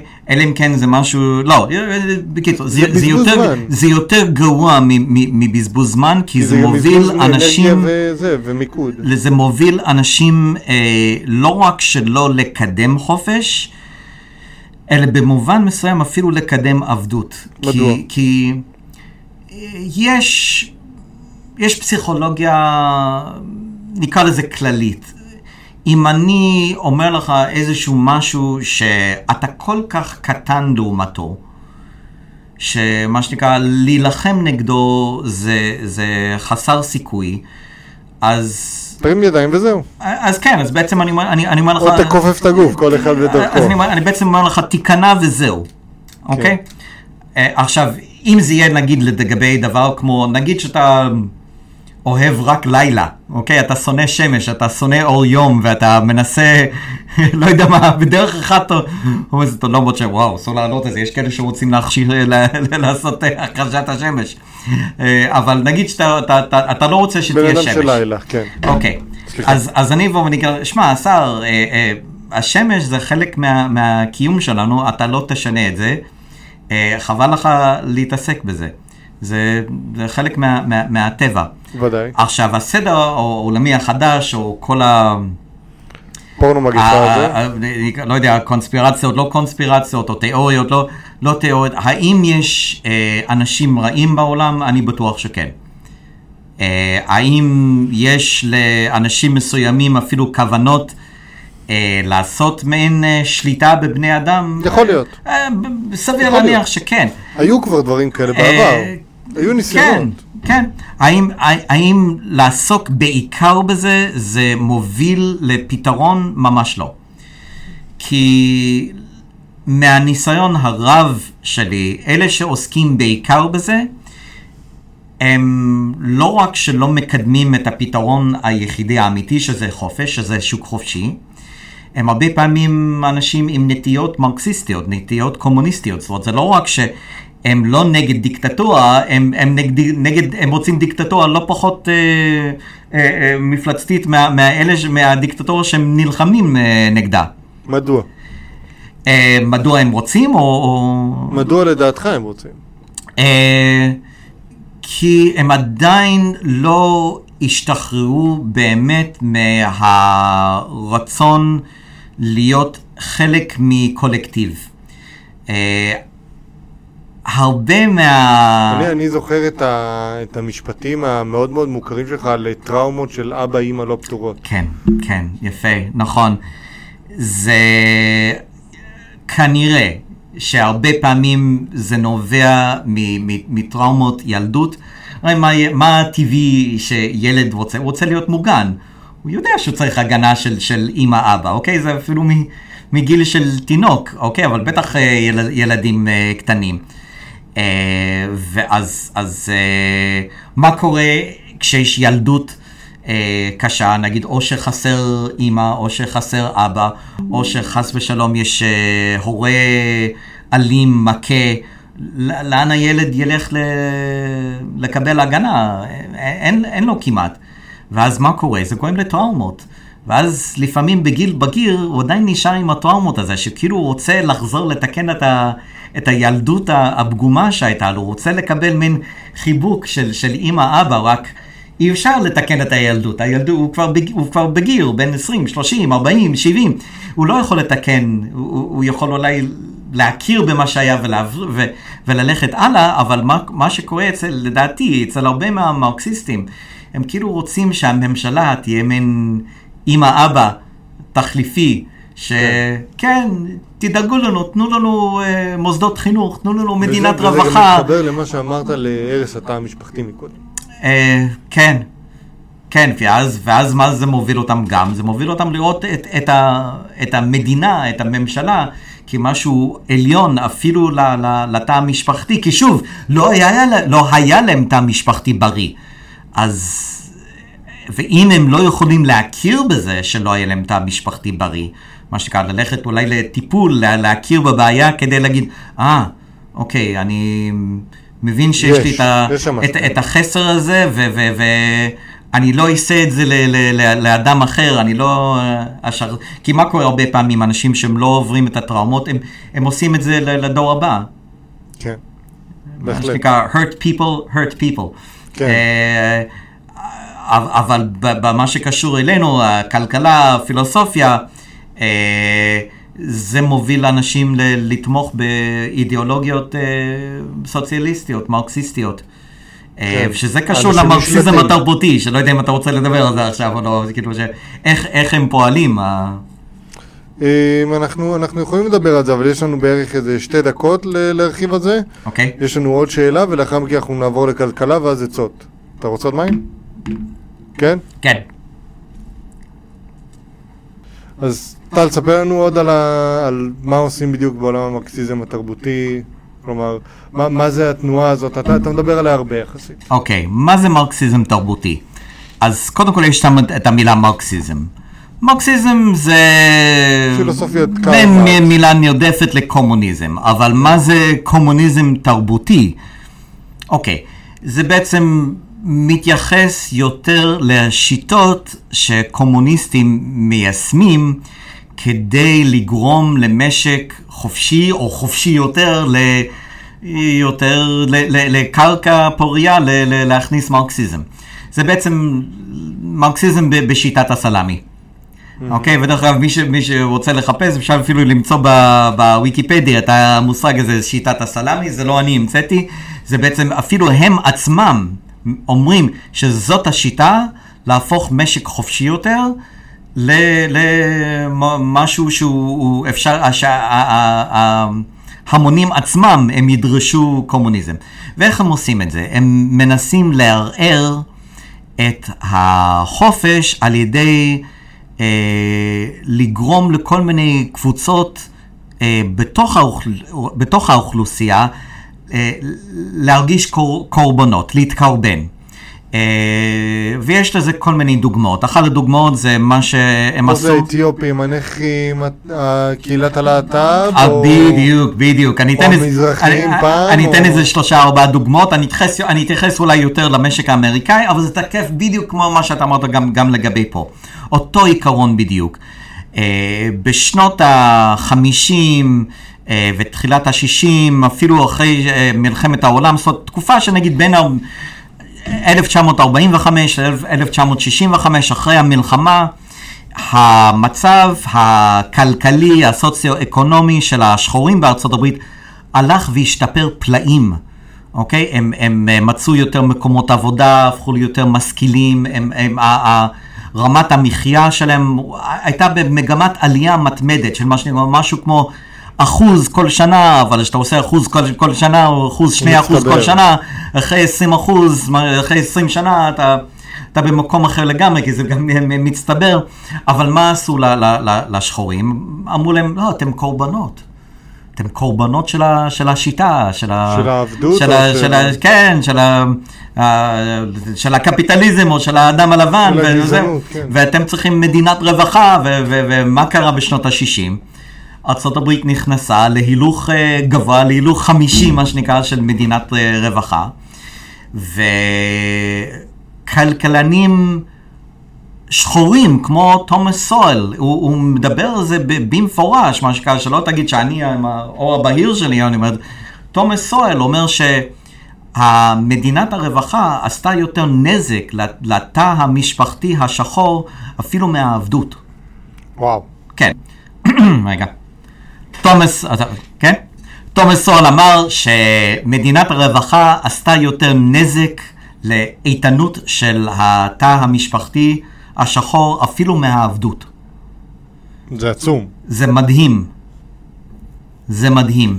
ואיך אנחנו רואים את זה? אנחנו רואים את זה בזה שכמות ה... הילדים השחורים שנולדים בלי אבא התעצמה. או אפילו כמות ההפלות, דיברנו על קפלות, זאת אומרת כמות ה... ה... הילדים השחורים שנרצחים עוד ב... לפני שהם נולדים. אנחנו רואים את זה מבחינת העוני של, של uh, היחסי של, ה, של השחורים, זאת אומרת, במקום שיהיה מגמה הולכת ועולה uh, מבחינת רמת המחיה של, של השחורים, uh, אנחנו רואים שבעצם יש רגרסיה במקום, במקום התקדמות. ו, ו, ולמה זה? כי... חוק כלכלה מאוד מאוד פשוט, מה שאתה מסבסד, אתה מקבל ממנו יותר. כשאתה מסבסד עוני, אתה מקבל יותר עוני. כן. ו- ומדינת רווחה בחסות ממשלה, זה לא לתת לבן אדם עזרה כדי, מה שנקרא, להוציא אותו מהבור, זה להנציח ולהגדיל את הבור, כי מה קורה, ואני רואה את זה, אני רואה את זה אפילו עם שיחות עם אישיות שלי, עם, עם, עם אנשים, שמקבלים כסף מהממשלה והם הם בטוחים שמגיע להם, הם בטוחים שזה זכות מולדת, מה שנקרא, ש, שהם כועסים עליי, אם אני אומר ש... תשמעו, אתם יודעים שזה כסף גנוב של מישהו אחר, מי, מי אתה שאתה תגיד לי דבר כזה? זה שלי, זה מגיע לי. זאת אומרת, זה גורם לאנשים אה, להיות מונצחים בפסיכולוגיה של התקרבנות. כן. וזה כבר לא עזרה, כמו שאני אומר, להוציא בן אדם מהבוץ, זה להנציח את הבוץ ולהגדיל את הבוץ. וזה מרקס, דוגמה אחת של המרקסיזם התרבותי. זה גורם לאוכלוסייה שבמקום שהיא תצליח, זה, זה, זה, זה להשתמש בהם כבשר תותחים. דוגמה אחרת זה נשים. כן. אין ידיד טוב יותר לאישה מאשר שוק חופשי. בשוק חופשי אישה יכולה להחליט שהיא רוצה להיות אה, אשת, אשת עסקים מיליארדרית, קרייריסטית, שמה שנקרא מקדישה את כל חייה ל, ל, ל, לעבודה ולעסקים. אם זה מה שהיא רוצה, זכותה. אם אישה רוצה להיות אה, אה, אם הבית, אם הבית ולגדל ילדים, היא יכולה לעשות כל דבר שהיא רוצה. אבל מה עשו המרקסיסטים התרבותיים? אמרו לאישה ש... אה, לא, להיות, אה, אה, להיות, להיות אשת בית, להיות עקרת בית זה, זה, זה, זה עבדות, ו, ולגדל ילדים זה דיכוי, ואת צריכה, מה שנקרא, לעבוד עשר שעות ביום באיזשהו קיוביקל, באיזה ריבוע במשרד, וזה חופש. בדיוק. אבל מה זה גרם? זה גרם לזה שהרבה מאוד נשים... שצריכות להתאפס על עצמן בגיל יחסים ש...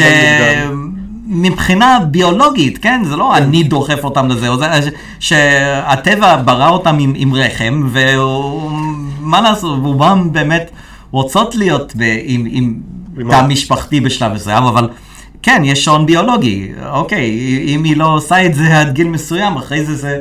זה בלתי אפשרי או, או כמעט בלתי אפשרי, וזה לא במקרה היום ש... משהו כמו רבע מהנשים מעל גיל 40 בארצות המערב זקוקות באופן אה, כרוני לתרופות נגד דיכאון רק כדי לתת אשליה שהן מתפקדות. They're not happy, הן לא מרוצות.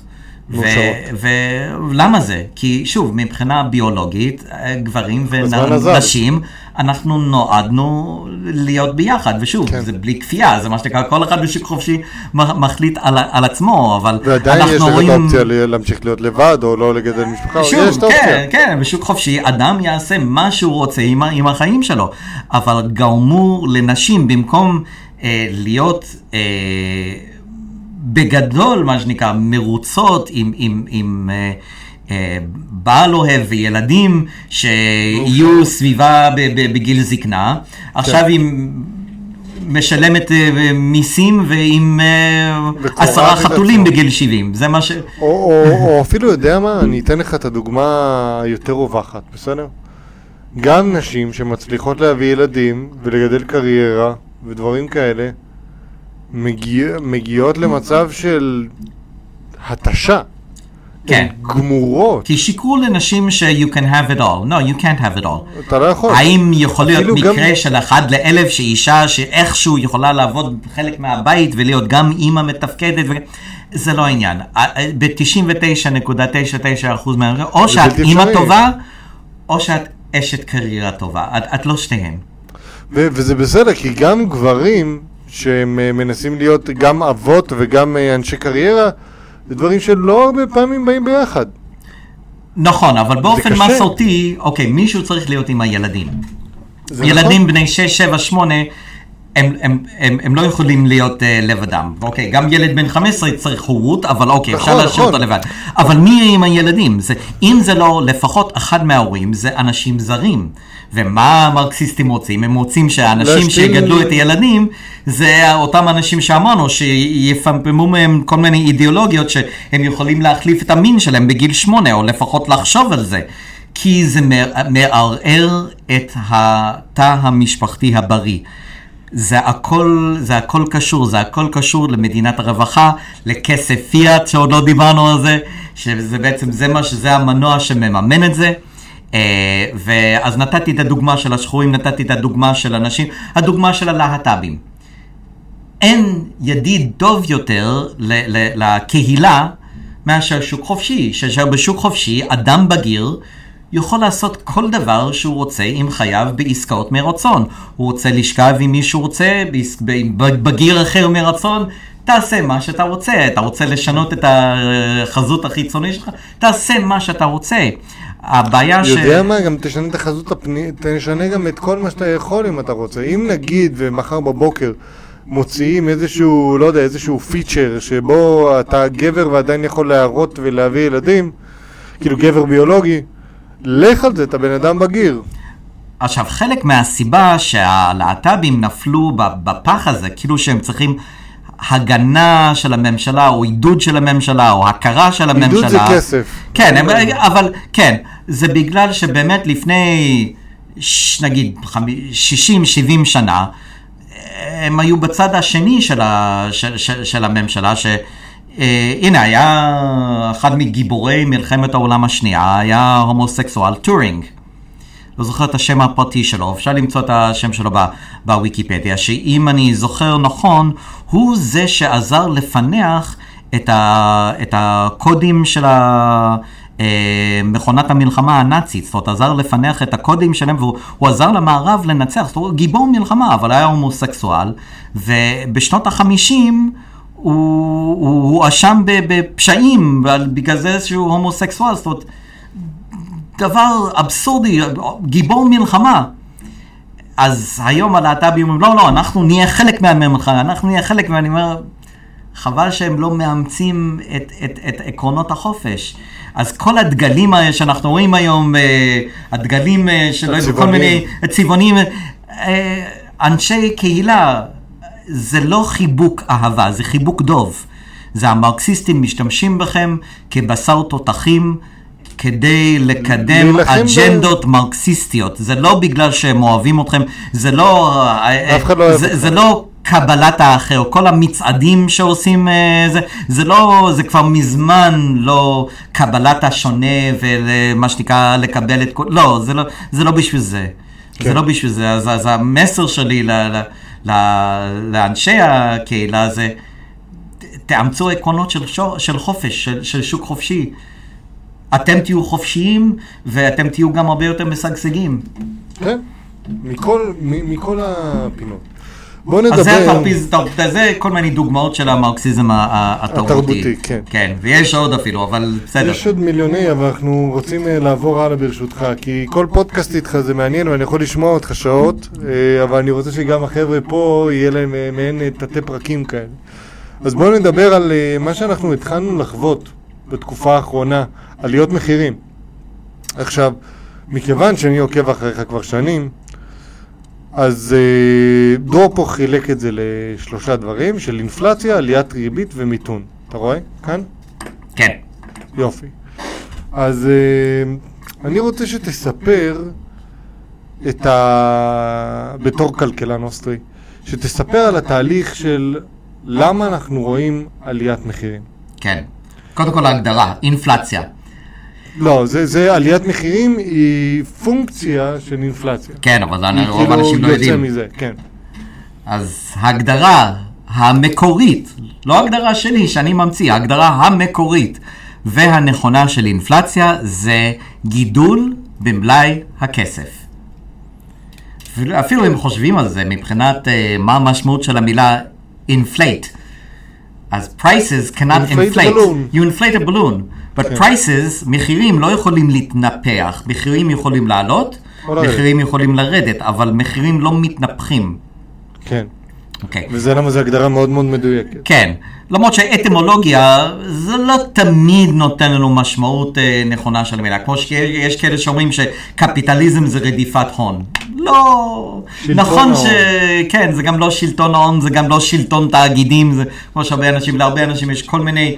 אה, אה, אה, הגדרות שממציאים לגבי זה, אבל, אבל אוקיי, כן. אבל נתמקד. אז אינפלציה זה גידול במלאי הכסף. אחת התופעות השכיחות מאוד מגידול במלאי הכסף זה עליות מחירים, אבל לא כל, לא כל עלייה של מחיר זה כתוצאה מאינפלציה. כן. אוקיי. Okay. יכול להיות מצב של אינפלציה וירידות מחירים אפילו, למרות שזה פחות שכיח. נגיד את זה ככה, כן. אבל יש מקרים, יש מקרים. אה, אז אה, אינפלציה, מה זה? אז זאת הגדרה של אינפלציה. אז מה קורה היום? אנחנו, מאז 1971, אנחנו בעידן שבו פעם ראשונה בהיסטוריה של האנושות, שכל העולם כולו על בסיס כסף פיאט. לא היה שום דבר כזה. הסכמה הדדית ולא מגובה במוצר פיזי.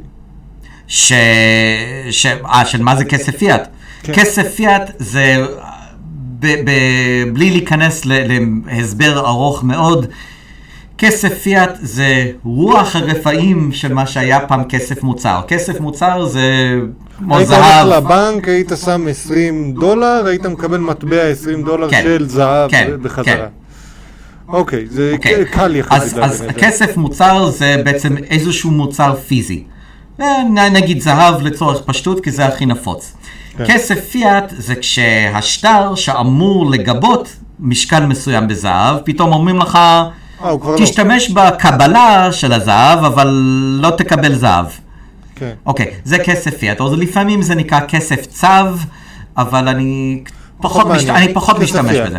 כסף פיאט, זה גם המונח המוכר. עכשיו, מה שחשוב להבין בקצרה זה שכל כסף פיאט בהיסטוריה של האנושות, מתרסקת ונשרפת לאפס, זה רק עניין של זמן, ובדרך כלל תוך עשורים מעטים, לפעמים אפילו פחות מעשור. אה, אין כסף יד שלא מתרסק לאפס, זה רק עניין של זמן. כן. Uh, ועכשיו שכל העולם כולו על כסף פיאט, זה בעצם אומר שכל המערכת המוניטרית העולמית מועדת מראש לקריסה. כן. וההסבר המלא זה בהרצאה ייחודית בעולם בקרוב. שאני נותן, אה, אה, כן, תיאוריה של אגב, כסף. תיאוריה של כסף, הרצאה של טל, מוזמנים להזמין אותו לכל הרצאה אצלכם. שכחתי שאנחנו בפודקאסט הניקולי ב... יכולים למצוא אותי, יכולים למצוא אותי בפייסבוק. יכולים למצוא טל יארוס בפייסבוק באנגלית. אה, תזמינו מולו הרצאה מאוד מאוד מעניין, מסקרן, מרתק, ובמיוחד אה, פשוט זווית שונה לחיים שכנראה עוד לא חוויתם. כן, תמשיך. אז מאז 1971 יש לנו מערכת שכדי שהמערכת לא תקרוס על עצמה בטווח הקצר, היא חייבת כל הזמן להתנפח. כן. זה מין מצב אבסורדי כזה, שכאילו ש... אני אגיד, שר, אתה חייב כל הזמן להשמין, כי אם לא לא תשמין כל הזמן. אתה תמות מ... לא יודע מה, איזושהי מחלה שנקראת דיפלציה. אוקיי? אוקיי? עכשיו אתה תגיד, אוקיי, אבל אתה- אני שוקל עכשיו, לא יודע מה, 90 קילו, לא, אני אומר, 100 קילו, 200, 300, טל, זה לא מספיק, אני כבר לא יכול לעלות, לא יודע, אתה חייב להמשיך להשמין כל הזמן. עכשיו, מה יקרה ברור בשלב מסוים? אתה תמות. מה- מה- מהעודף אה, משקל, אבל אם תנסה לרזות, אתה תמות ממחלה שנקראת דיפלציה. כן. אז זה בעצם, זה בעצם... אם אתה תמות, אז יותר מדי סוכרים ישתחררו לדם, ואז אתה תמות מסכרת. כן, אז, לצורך אז, העניין. אז, אז זה סוג של אה, מטאפורה ל- ל- למצב שאנחנו נמצאים בו ב- ב- בכל העולם. אה, רק שבעשור האחרון, נגיד מ-2010 עד 2020, שזה היה הפעילות הפומבית שלי לפני עידן הקריסה, אנחנו ראינו עליות מחירים בעיקר בכל מיני נכסים פיננסיים, בבורסה, בבועת הביטקוין, מה שאני אה, קורא לזה, אה, בכל מיני אה, פרטי אומנות, פרטי אספנות, בנדל"ן בכל מיני מקומות בעולם. זאת אומרת, ראינו עליות מחירים, אבל זה עדיין לא הגיע לדרגה כזאת ש... אוקיי, הדברים שאנחנו משתמשים בהם כל יום עלו כל הזמן ב- ב- ב- ב- בצורה שאנחנו רואים את זה במכולת. עכשיו זה כבר הגיע לזה. עכשיו זה כבר אנחנו בעידן ש... ש- זה החשמל, שאין המים. כמעט יום שאנחנו לא רואים משהו עולה ב-10%, משהו עולה ב-9%, משהו עולה ב-5%, אם זה מים, אם זה חשמל, אם זה ביצים, אם זה... אה, כל, דבר, כל הדברים שאנחנו דלק, רוצים כן. וצריכים כדי להתקיים כל יום, ואנחנו רק בהתחלה. רק בהתחלה. רק, רק בהתחלה. אה, זה לא ראיית שחורות, זה, זה, זה, זה המציאות. זה, זה, זה, זה המציאות. זה בעצם השלבים המתקדמים אה, של, של מערכת מוניטרית בערש, בערש דווי, ערש דווי, ב- בשלבי התפוררות. ואני לא אתחיל עכשיו לדבר איתך על אה, איך מטפלים בסיפור הזה, כי זה...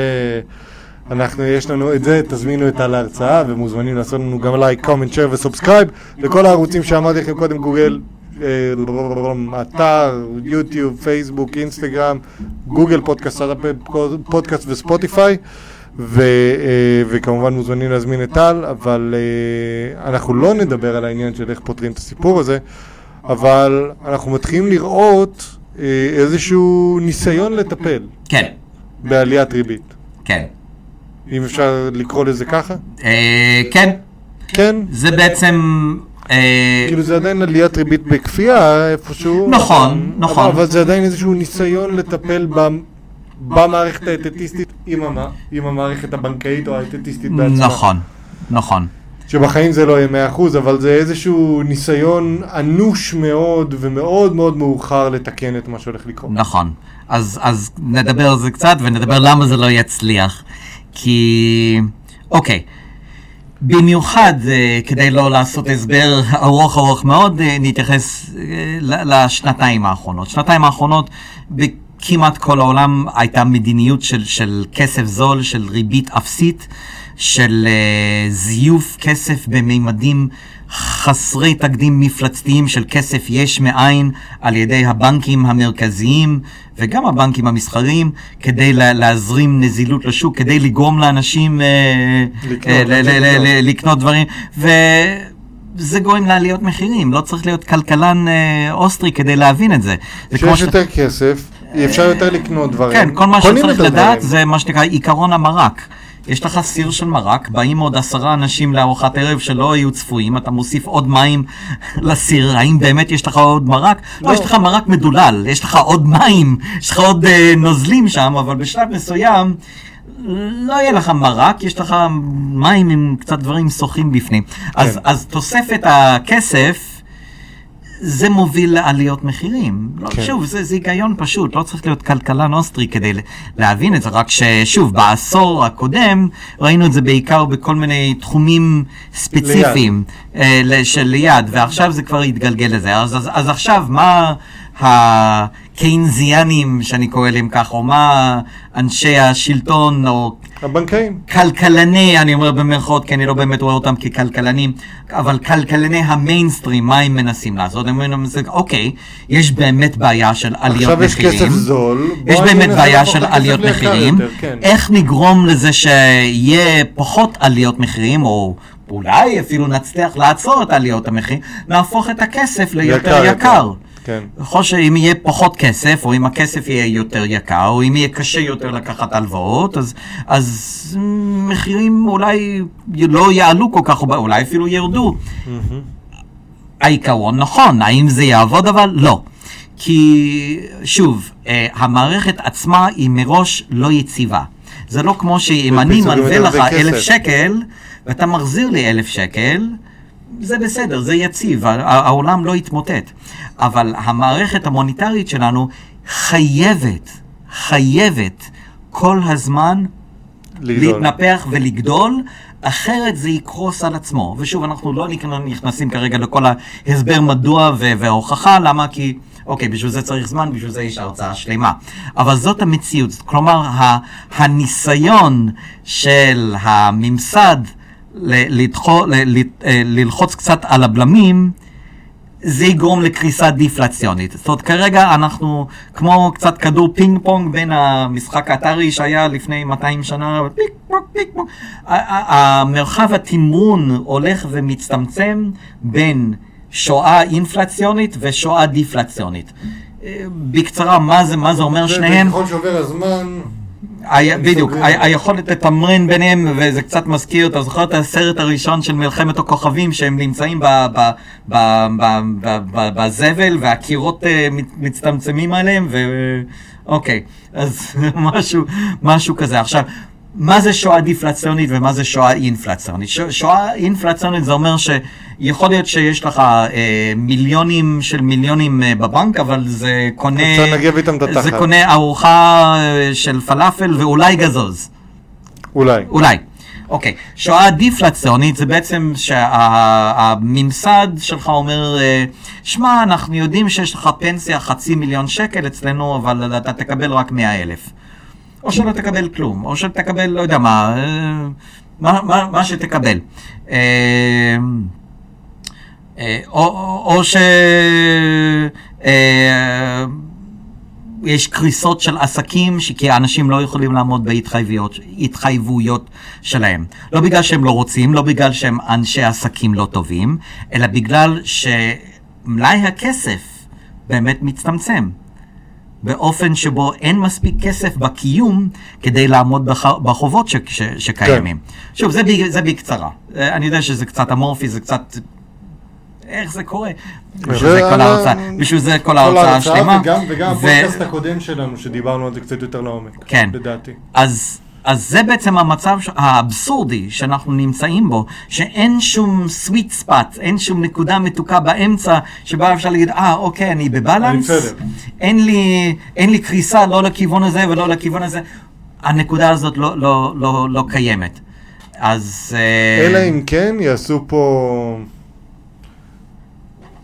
פה אני מדבר בישראל, כן? אבל uh, כלומר, ישמידו את כל מוסדות העבדות, פשוט יעשו אישור קו ממש מחדש. של כל עולם השלטון. בכל מקרה, בכל מקרה, תראה, זה, זה יקרה, זה השאלה כמה כואב זה יהיה. כן, ופה זה מתקשר קצת לעניין הזה של אה, סדר עולמי החדש, וכמה זה האנשים הרעים עושים, ואני אומר, ופה אני, אני כן יוצא ב, ב, ב, בעמדה שהיא מאוד מאוד שונה מ, מרוב אלה אפילו ש... אה, אה, מדברים על הקריסה, אני אומר, האשם העיקרי זה, זה, זה, זה אנחנו, כן. אוקיי? אנחנו, ההמונים, במשך מעל להצביע- 50 שנה, הצבענו. הצבענו. בהמוננו, וזה לא משנה עבור מי הצבעת, ימין, שמאל, מרכז, דתי, חילוני, ערבי, יהודי, זה לא משנה. הצבענו עבור שואה כלכלית, ואנחנו מקבלים את מה שאנחנו ביקשנו. אפילו אדם שהוא לא מומחה כלכלה, אפילו אדם שהוא לא כלכלן אוסטרי, אפילו אדם שהוא, נגיד עם אינטליגנציה, אפילו רק מתחת לממוצע, הוא יודע שהוא לא יכול במשך עשורים שלמים להוציא יותר ממה שהוא מכניס. אוקיי, בלתי You אפשרי. can do it, כן. אוקיי, אז אפילו בן אדם קצת פחות מממוצע באינטליגנציה היה צריך לשאול את עצמו איך ממשלות בכל העולם יכלו להתנהל בגירעון, להוציא יותר ממה שהם גונבים במיסים, כל שנה במשך עשרות שנים, מבלי לגרום לאסון. זה לא הגיוני, שוב, לא צריך להיות מומחה כדי, אבל אנחנו כ... כ- אה, לאף אחד זה לא מעניין אותו. זה- אנחנו עצלנים, לא, אני אנחנו רואה אה, מתמטיקה, התרגלנו. מספרים, עניינים, זה, עזוב אותי, נו, תן לנגיד ההוא לטפל בזה. אז, אז האם יש אנשים רעים בעולם, כל מיני, לא יודע, וף, שוואבים, גייטס, בלה, אוקיי, כן. נגיד. כן, הם קיימים. האם הם הבעיה האמיתית? לא.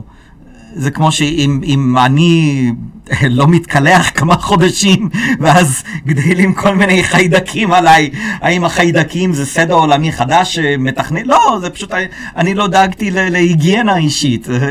או אם אני לא מנקה את הבית ובאים נמלים, האם הנמלים זה סדר עולמי חדש שבאו ל... לא, זה, הם, הם, זה- הם מה שנקרא, הם חלק שאני- מהטבע. זה מה אז שאני האם אוהב כל אצלך. הפסיכופטים האלה, האם הם הבעיה? לא, יש פסיכופטים בעולם. זה, הבעיה זה מה שאני. אוהב אצלך, הגישה הזאת, זה מה שאני אוהב אצלך, זה איזשהו, נכון, הרבה מאוד דברים חרא, קח אחריות אישית, תתמודד עם זה.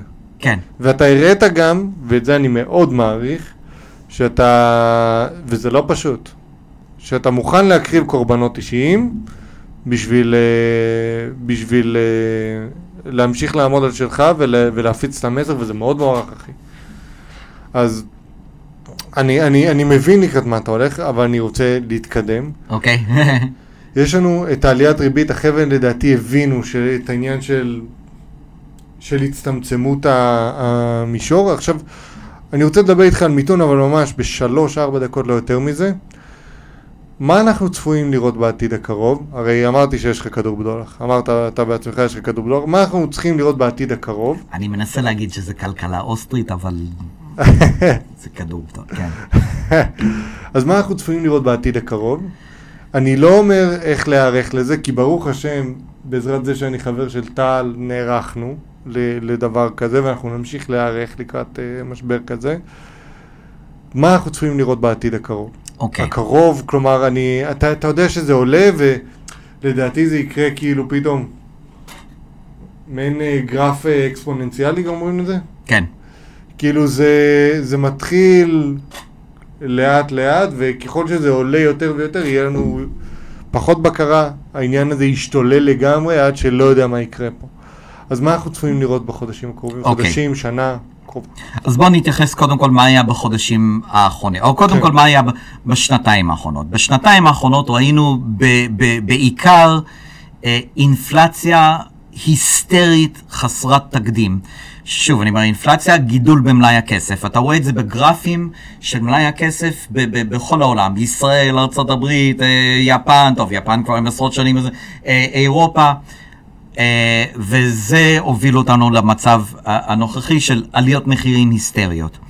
עכשיו, בחודשים האחרונים, אנחנו רואים ניסיון של מה שנקרא ללחוץ על, ה, על, ה, על על. על הבלמים, וזה ייכשל. אז מתי זה ייכשל? אה, כנראה תוך שבועות, אולי אפילו חודשים אחדים, ספק רב מאוד שזה ייקח אה, עניין של אה, שנים, כי שוב, המערכת עצמה היא זקוקה, זקוקה, כדי לשרוד, היא זקוקה. לאינפלציה. ואם אני מסתכל על מלאי הכסף האמריקאי, שוב, כאחד המשקים החשובים, אז בחצי שנה האחרונה מלאי הכסף, אוקיי, הוא קצת עולה, הוא קצת יורד, אבל הוא די סטטי. זאת אומרת, הוא, הוא, הוא לא ממש דיפלציה, אבל הם רוצים לגרום לדיפלציה. אבל זה שהם מעלים ריבית כל חודש עכשיו, או כל כמה שבועות הם מעלים את הריבית, בשלב מסוים זה יגרום לדיפלציה. מדוע? טוב, לא ניכנס לכל ההסבר. זה יגרום לדיפלציה. מתישהו הדיפלציה זה יוביל לשואה דיפלציונית, שזה אומר שפשוט אה, אה, עסקים יקרסו, אבטלה, אנשים לא יוכלו לעמוד בתשלומי המשכנתה, אה, ואז ההמונים, סביר להניח, הם יבכו לפוליטיקאים, אני, הפוליטיקאים יבכו לבנק... אני אעצור אותך ברשותך, אני אנסה לעשות, אה, לתת דוגמה ל... לדיפלציונית על בסיס משהו שאני מכיר, תקן אותי. אוקיי. Okay. לצורך העניין אתם לקחתם עכשיו משכנתה, הריבית על המשכנתה היא פריים פלוס אחד. כלומר 1% פלוס פריים שזה, אה, אם אני לא טועה, תתקן אותי. אני לא זוכר מספרים מדויקים כרגע. אני זוכר, אה, סליחה, פריים זה אה, 0.1 פלוס אני, הריבית אני, במשק. אני, אני יודע שהמשכנתאות בארצות הברית עכשיו זה משהו כפול. ממה ש... זאת אומרת, הריבית היא, היא בערך כפולה. ממה שהיה לפני כמה חודשים. אני, זה אני, אני כן אני יודע. אסביר שנייה, אני לא זוכר... מספרים בדיוק... מדויקים לא זוכר כרגע. שנייה, אני, אני רוצה לתת דוגמה פה. לצורך העניין שילמתם עד עכשיו ריבית של אחוז אחד פלוס פריים. פריים זה הריבית במשק פלוס נגיד, פלוס אחוז כלשהו, נגיד וזה הריבית במשק. אז אם היום, אם לפני חודש הייתה עליית הריבית הראשונה, שילמתם אחוז אחד פלוס 0.25, אז יש לכם 1.25% ריבית. עכשיו אתם כבר משלמים 2.75% ריבית, כי. כי זה עלה. ואתם משלמים על זה כבר מהיום בחיובי המשכנתה.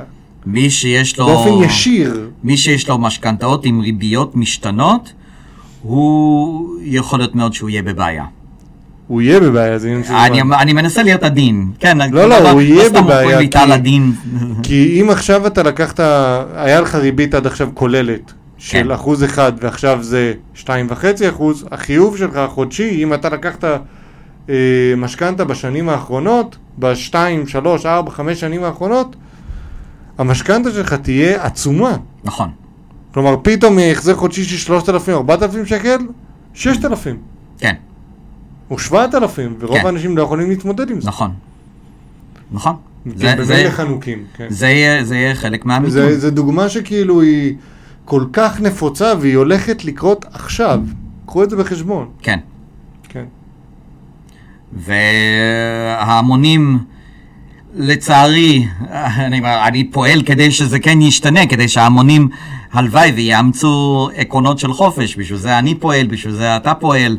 אה, אבל עדיין, רוב הסיכויים ההמונים יבכו לפוליטיקאים שהם יעשו משהו, הפוליטיקאים יבכו לבנקאים, ומה הבנקאים יכולים לעשות? הם רק יכולים לחזור לזייף כסף יש מאין, כדי להציף את השווקים בכסף זול. האם זה יפתור את הבעיה? לא, ברור שזה לא. אותה, זה לא. רק כמו לתת לנרקומן מנה עוד יותר גדולה של סם, כדי שהוא לא יתמודד עם, ה, עם, ה, עם, עם, עם המציאות, אבל בסופו של דבר, overdose, כן? אז ז, זאת המציאות שלנו, שאו... אה, שואה אינפלציונית או שואה דפלציונית, והאם זה הכל אבוד וסוף העולם? לא. בגלל זה גם אני לא אוהב את האנשים שמתעסקים רק בסדר עולמי חדש ונהיה עבדים לנצח וצ'יפים במוח. ו... לא, יש פתרון. הוא לא פתרון של קסם, אבל הוא פתרון אמיתי ובר קיימא ו- ו- ונפלא, שזה שוק חופשי, שזה אומר להכיר ב- ב- בזה שחמישים שנה אה, תמכנו והצבענו וחיינו בתוך מערכת אה, סרטנית שמורעדת מראש לקריסה ואי אפשר לתקן את המערכת הזאת. אנשים יפסידו את החסכונות שלהם, אנשים יפסידו את הפנסיות שלהם, אנשים אה, אה, אה, יצטרכו להתמודד עם זה, אבל הדרך להתאושש כדי שזה לא יהיה מיתון של 10-20 שנה, זה שוק חופשי. שוק חופשי יכול להוביל להתאוששות מרשימה תוך שנים אחדות. Mm-hmm.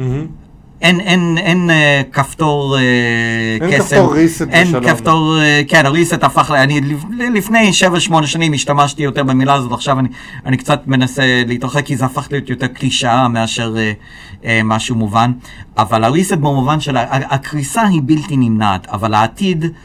זה קצת סיסמה, אבל סיסמה נכונה.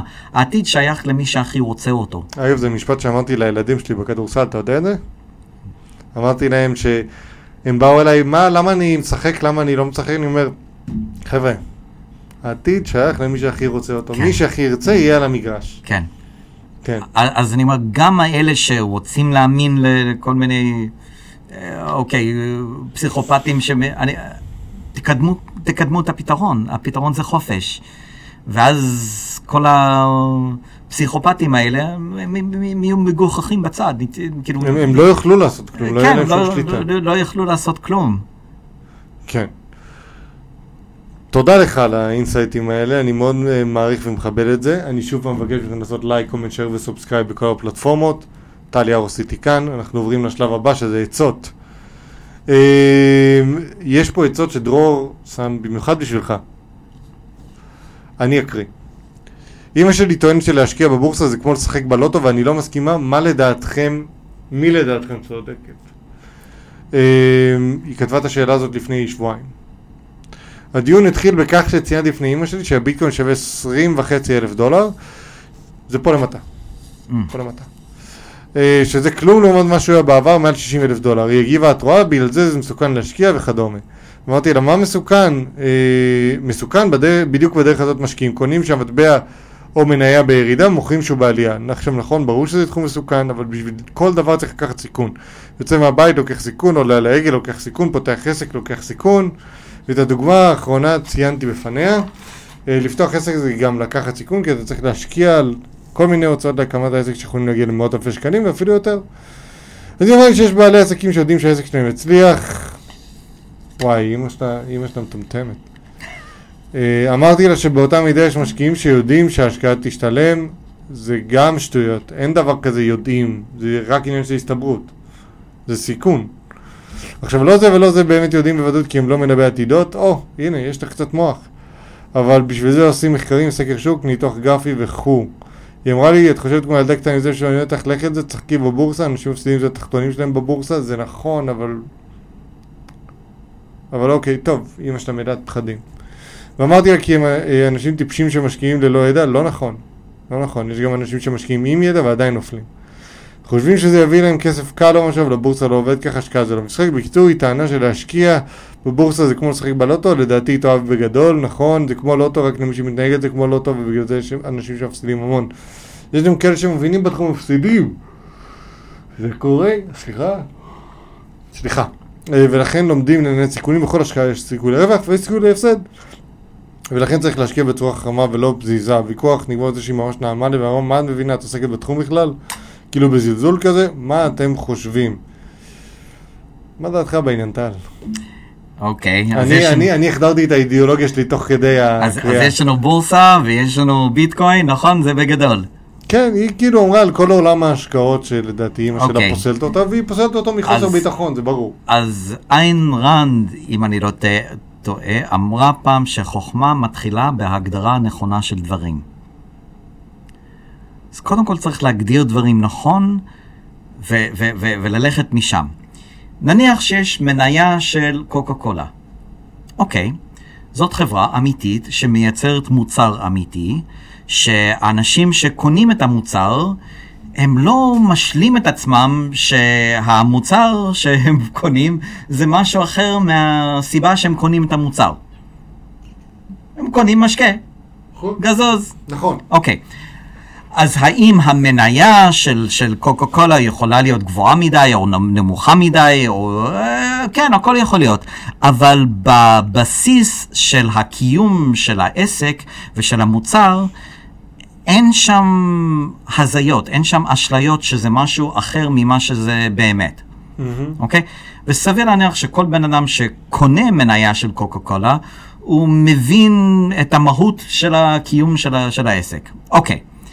ביטקוין, המצב הוא אחר לגמרי. שם יש לנו בדיוק המצב הפוך. אני, אני, אני מבין, אבל אני לא רוצה להיכנס לעולם של ביטקוין. נכון, אנחנו מכיר, אני מכיר את, הס, את העניין אוקיי. שלך על ביטקוין, שזה לא מוצר קיים וזה לאספנים אם בכלל. כן, אני מכיר את העמדה הזאת, ולדעתי אני מסכים עם העמדה הזאת, אבל היא מחפשת את העצה של האם, האם להיכנס לעולם של השקעות בכלל. מה האלטרנטיבה? אין, אין, אין בן בדיוק- אדם... היא בדיוק ציינה את האלטרנטיבות שלה פה, נגיד לפתוח עסק או משהו בסגנון הזה. אוקיי, עכשיו, אם אתה שואל אותי, מהמם, אני שואל. ואני אני ראיתי אותך, העיניים שלך שאלו. אמ, היא צריכה להבין את העסק די טוב בשביל לא לצאת עם הפסדים ענקיים כבר בהתחלה. אני מדבר על השקעות. כי השקעות זה למעשה הדבר הכי, כמעט הכי זול שאתה יכול לעשות. אני נגיד פתחתי את העסק הזה שלי, של שיווק דיגיטלי, עסק זול. לכאורה, אין לי פה עלויות מטורפות של החזקה. תחשוב על זה שנייה. אני יכול על הנייר, מחר בבוקר, לשבת בעמדת עבודה בבית, להרביץ על המקלדת ושלום על ישראל, על הנייר. בפועל כאן, אה, יש פה, יש פה השקעות בעסקים או דבר כזה, אבל גם זה אותו דבר, אתה יכול לפתוח חשבון מסחר ולעשות day trading מהמחשב שלך, על הנייר. אבל יש לדעת במה לסחור. ואני אתן דוגמה, ואני אתן לך אותה, את אותה דוגמה. אח שלי, אה, איך שהיה אה, השבוע הראשון לקורונה, או שבועיים ראשונים לקורונה, שם, אם אני לא טועה, באזור ה-100 אלף שקל או 50 אלף שקל על, אה, על מדד החברות התעופה העולמי. עכשיו, אתה ידעת שזה יחזור לעצמו. תוך שנה, תוך שנתיים, אתה ידעת שזה יחזור, והוא עושה על זה כסף מאוד יפה. אני מדבר איתך על עשרות, אם לא, אם לא אפילו אזור המאה אחוז. אוקיי, הוא עושה על זה אחלה כסף. אבל זה כשאתה, שמה שנקרא, החשיבה הקריטית שאתה מספר עליה, פוגשת את שוק ההשקעות, פוגשת היצע וביקוש, פוגשת, אמרת סקר שוק או מחקרים או דברים כאלה. זה, זה דעתי פה, ואני בעצמי נמנע מלהשקיע בבורסה ואני יודע שזה טעות. אגב, כאילו, כי יש לי ראש לדברים האלה, אז מדי פעם מפסידים, אבל... אבל אם אתה, יש לך ראש שיודע להרוויח, אז היום אתה תשקיע בחברה של, אה, של לא יודע, מוכרת לחם. אז אה, זה, זה דעתי. אנשים תמיד רוצים פחמימות. כן, נגיד את זה ככה. אמ, יש לך עוד משהו להוסיף? שההחלטה מה לעשות עם, עם, עם החסכונות של אדם, מאוד, מעולם לא היה חשוב יותר ללמוד לפחות באופן בסיסי, מבנה בסיסי. לא חייב, לא כל אחד יכול או חייב להיות מומחה, אבל ללמוד תיאוריה של כסף, ללמוד מדוע יש לנו את הקריסה הזאת, כי זה יעזור לו להחליט החלטות. כי הנה, בקריסת הבורסה של 1929, זה לקח 25 שנה. נגיד מי שהשקיע בשיא, בשיא, נגיד ביום הכי גרוע שהיה יכול לה, לה, להשקיע, זה לקח לו 25 שנה כדי לחזור למה שהיה. אוקיי, אדם לא רוצה להפסיד את ה-25 שנה האלה. מצד שני, תמיד היו דברים שיצליחו גם בזמנים הכי קשים. Mm-hmm. אז מה יכול לעזור לבן אדם מבחינת uh, הסיכויים, שיהיה לו הכי הרבה סיכויים לפחות לא להפסיד, ואולי אפילו לשגשג, שיבין מדוע יש את הקריסה, וזה יעזור לו להחליט איזה תחומים יש להם סיכוי uh, לשרוד, ואולי אפילו לשגשג, uh, ואיזה דברים כדאי מאוד uh, להתרחק. Mm-hmm. אנשים תמיד ירצו לאכול, אז אם יש איזשהו מיזם אה, מזון שוואו, יודע אה, לשרת לקוחות ומאוד יעיל, יכול להיות שזה יצליח אפילו דווקא בתקופת מיתון. בדיוק. אה, אם זה, לא יודע מה, לתקן דברים, לבנות דברים, דברים, ש... דברים שאנשים תמיד צריכים. אה, מה יכול להיות משהו... אולי פחות, אה, פחות טוב, דברים, ש... דברים שעלו מאוד בתקופת הבועה. כן. כל מה שעלה משמעותית, לחתוך. כן. או כל מה שלא מבוסס על איזשהו שירות או מוצר אמיתי שאנשים באמת רוצים או אנשים באמת צריכים. אוקיי. הופה. מה, אני הייתי עם הפירוקים, ישנתי מעט מדי אתמול. Mm. ממשיך הלאה. לא אישרו לי העלאה בשכר ואמרו שייתנו לי, אה, שייתנו לי הטבה במקום שכר קרן השתלמות. מישהו יכול להסביר אותה. שלום, אני עובדת כמזכירה בבית ספר פרטי, מקבלת 41 שח, שח לשעה, עובדת 9 שעות ביום א' עד ה' ועוד נסיעות 700 שח. ביקשתי העלאה בשכר ואמרו שאי אפשר, אבל אם אני רוצה, אם ייתנו לי הטבה, קרן השתלמות שזה הפרשה שלהם לחיסכון בשבילי 7%. אני לא הבנתי מה ההטבה, מי יכול להסביר לי? אתה רוצה להסביר? אני לא, אני לא בטוח כמה אתה מכיר את המבנה של הדברים האלה. אה. לא, זהו, אני גם כן לא בטוח. אה, אז אני אסביר, אני אסביר טיפה, אני אתן רקע. אוקיי. קרן השתלמות זה למעשה קרן פנסיה שלא בכפייה. אתה לוקח אה, איזשהו מוסד שמוכר קרנות השתלמות, אתה משקיע שם, אה, סתם אני אתן לך דוגמה, אה, בישראל התקרת השקעה פטורה ממס זה כמעט Mhm. 18.5 אלף שקל, ושם זה כמו, כמו פנסיה לכל דבר ועניין. והמעביד על- גם כן מפריש, וזה בעצם ה... לא, לא, לא, לא. המעביד, המעביד, לא, המעביד לא מחויב להפריש. אה, פנסיה אוקיי. אתה מחויב. קרן השתלמות אתה לא מחויב, זה לפי התנאים שסיכמת עם העובד. אם בכלל. בסדר?